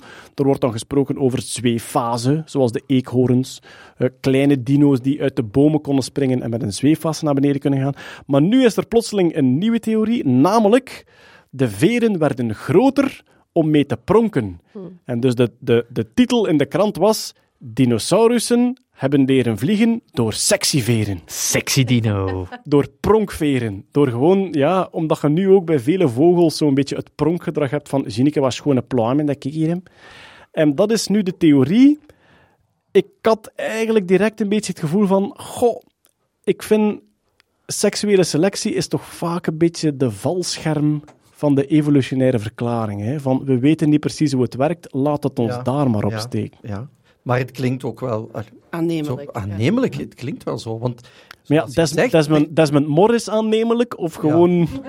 Ja, het zou kunnen, Desmond Morris aannemelijk. Maar, maar in ieder geval, het klopt wel dat je altijd nog er, er, er een gap hebt tussen veren zijn er om je warm te houden en veren zijn er om je te vliegen. En daartussen, wat, wat, wat hebben we dan? Eh, Seks. Seks, ja. ja. Zo grappig dat je op elke, op elke wetenschappelijke theorie kunt zeggen, waarvoor dient deze stukje? Sexy. Sexy, het was sexy. Ja, inderdaad. Waarom heeft een wombat schurft? Dat was sexy. Heeft, hij- heeft, heeft deze dinosaurus nu geen twee tanden te veel? Dat is sexy. Maar dat is ook zo... Allee, het feit dat dat dan met pluimen is, dat is ook zo Moulin Rouge, hè? Dat is ook zo... Ta, ta, ta, ta, ta, ta, ta, ta. Ik kijk uit naar die volgende Jurassic World film. Ik, vind ik, ik, heb, ik heb ze nu eindelijk gezien, die laatste twee. Ja, die laatste twee Jurassic Worlds. Ik heb ze eindelijk gezien. Visuele effecten, top. Xander de Rijken gaan me vermoorden, maar ik vind Maar echt niet slechte, sexy genoeg. echt slechte films. Maar niet dat is misschien wat dat het mist. Niet Voilà. sexy meer, meer genoeg. kak en meer Ja? seks. Er, was, er was geen spark tussen de twee hoofdacteurs, dus misschien moeten ze die spark bij de dinosaurussen leggen. Ja? De dino die kon pronken van Ja. look at my blooms. I'm so sexy. Ja, we zullen zien. We zullen anders vragen dat wij het scenario mogen schrijven. Hoezo, er was een dino-wombat? Ja. Ja, Ja. dat is sexy. Oh, de grote vierkante keutel rolt van de vulkaan af. Bobom, bobom, bobom. Terwijl dat Chris Pratt ervan wegroopt. Oh, oh, oh, oh, oh. Nee, sorry, dat was, dat was, dat was dinges, dat was Hugh Grant. Chris Pratt is eerder van, oh, ja, nou, ja, Amerikaanse recht. Goed. Volgende. Bon, ik denk dat we langzaamaan kunnen afsluiten. Ik ga nog één shout-out doen. Ik ga nog één shout-out doen naar eh, Science Communication collega's hier in Vlaanderen, namelijk ReadySetScience.tv. Ah ja. Heeft iemand het gevolgd? Ja. Nee.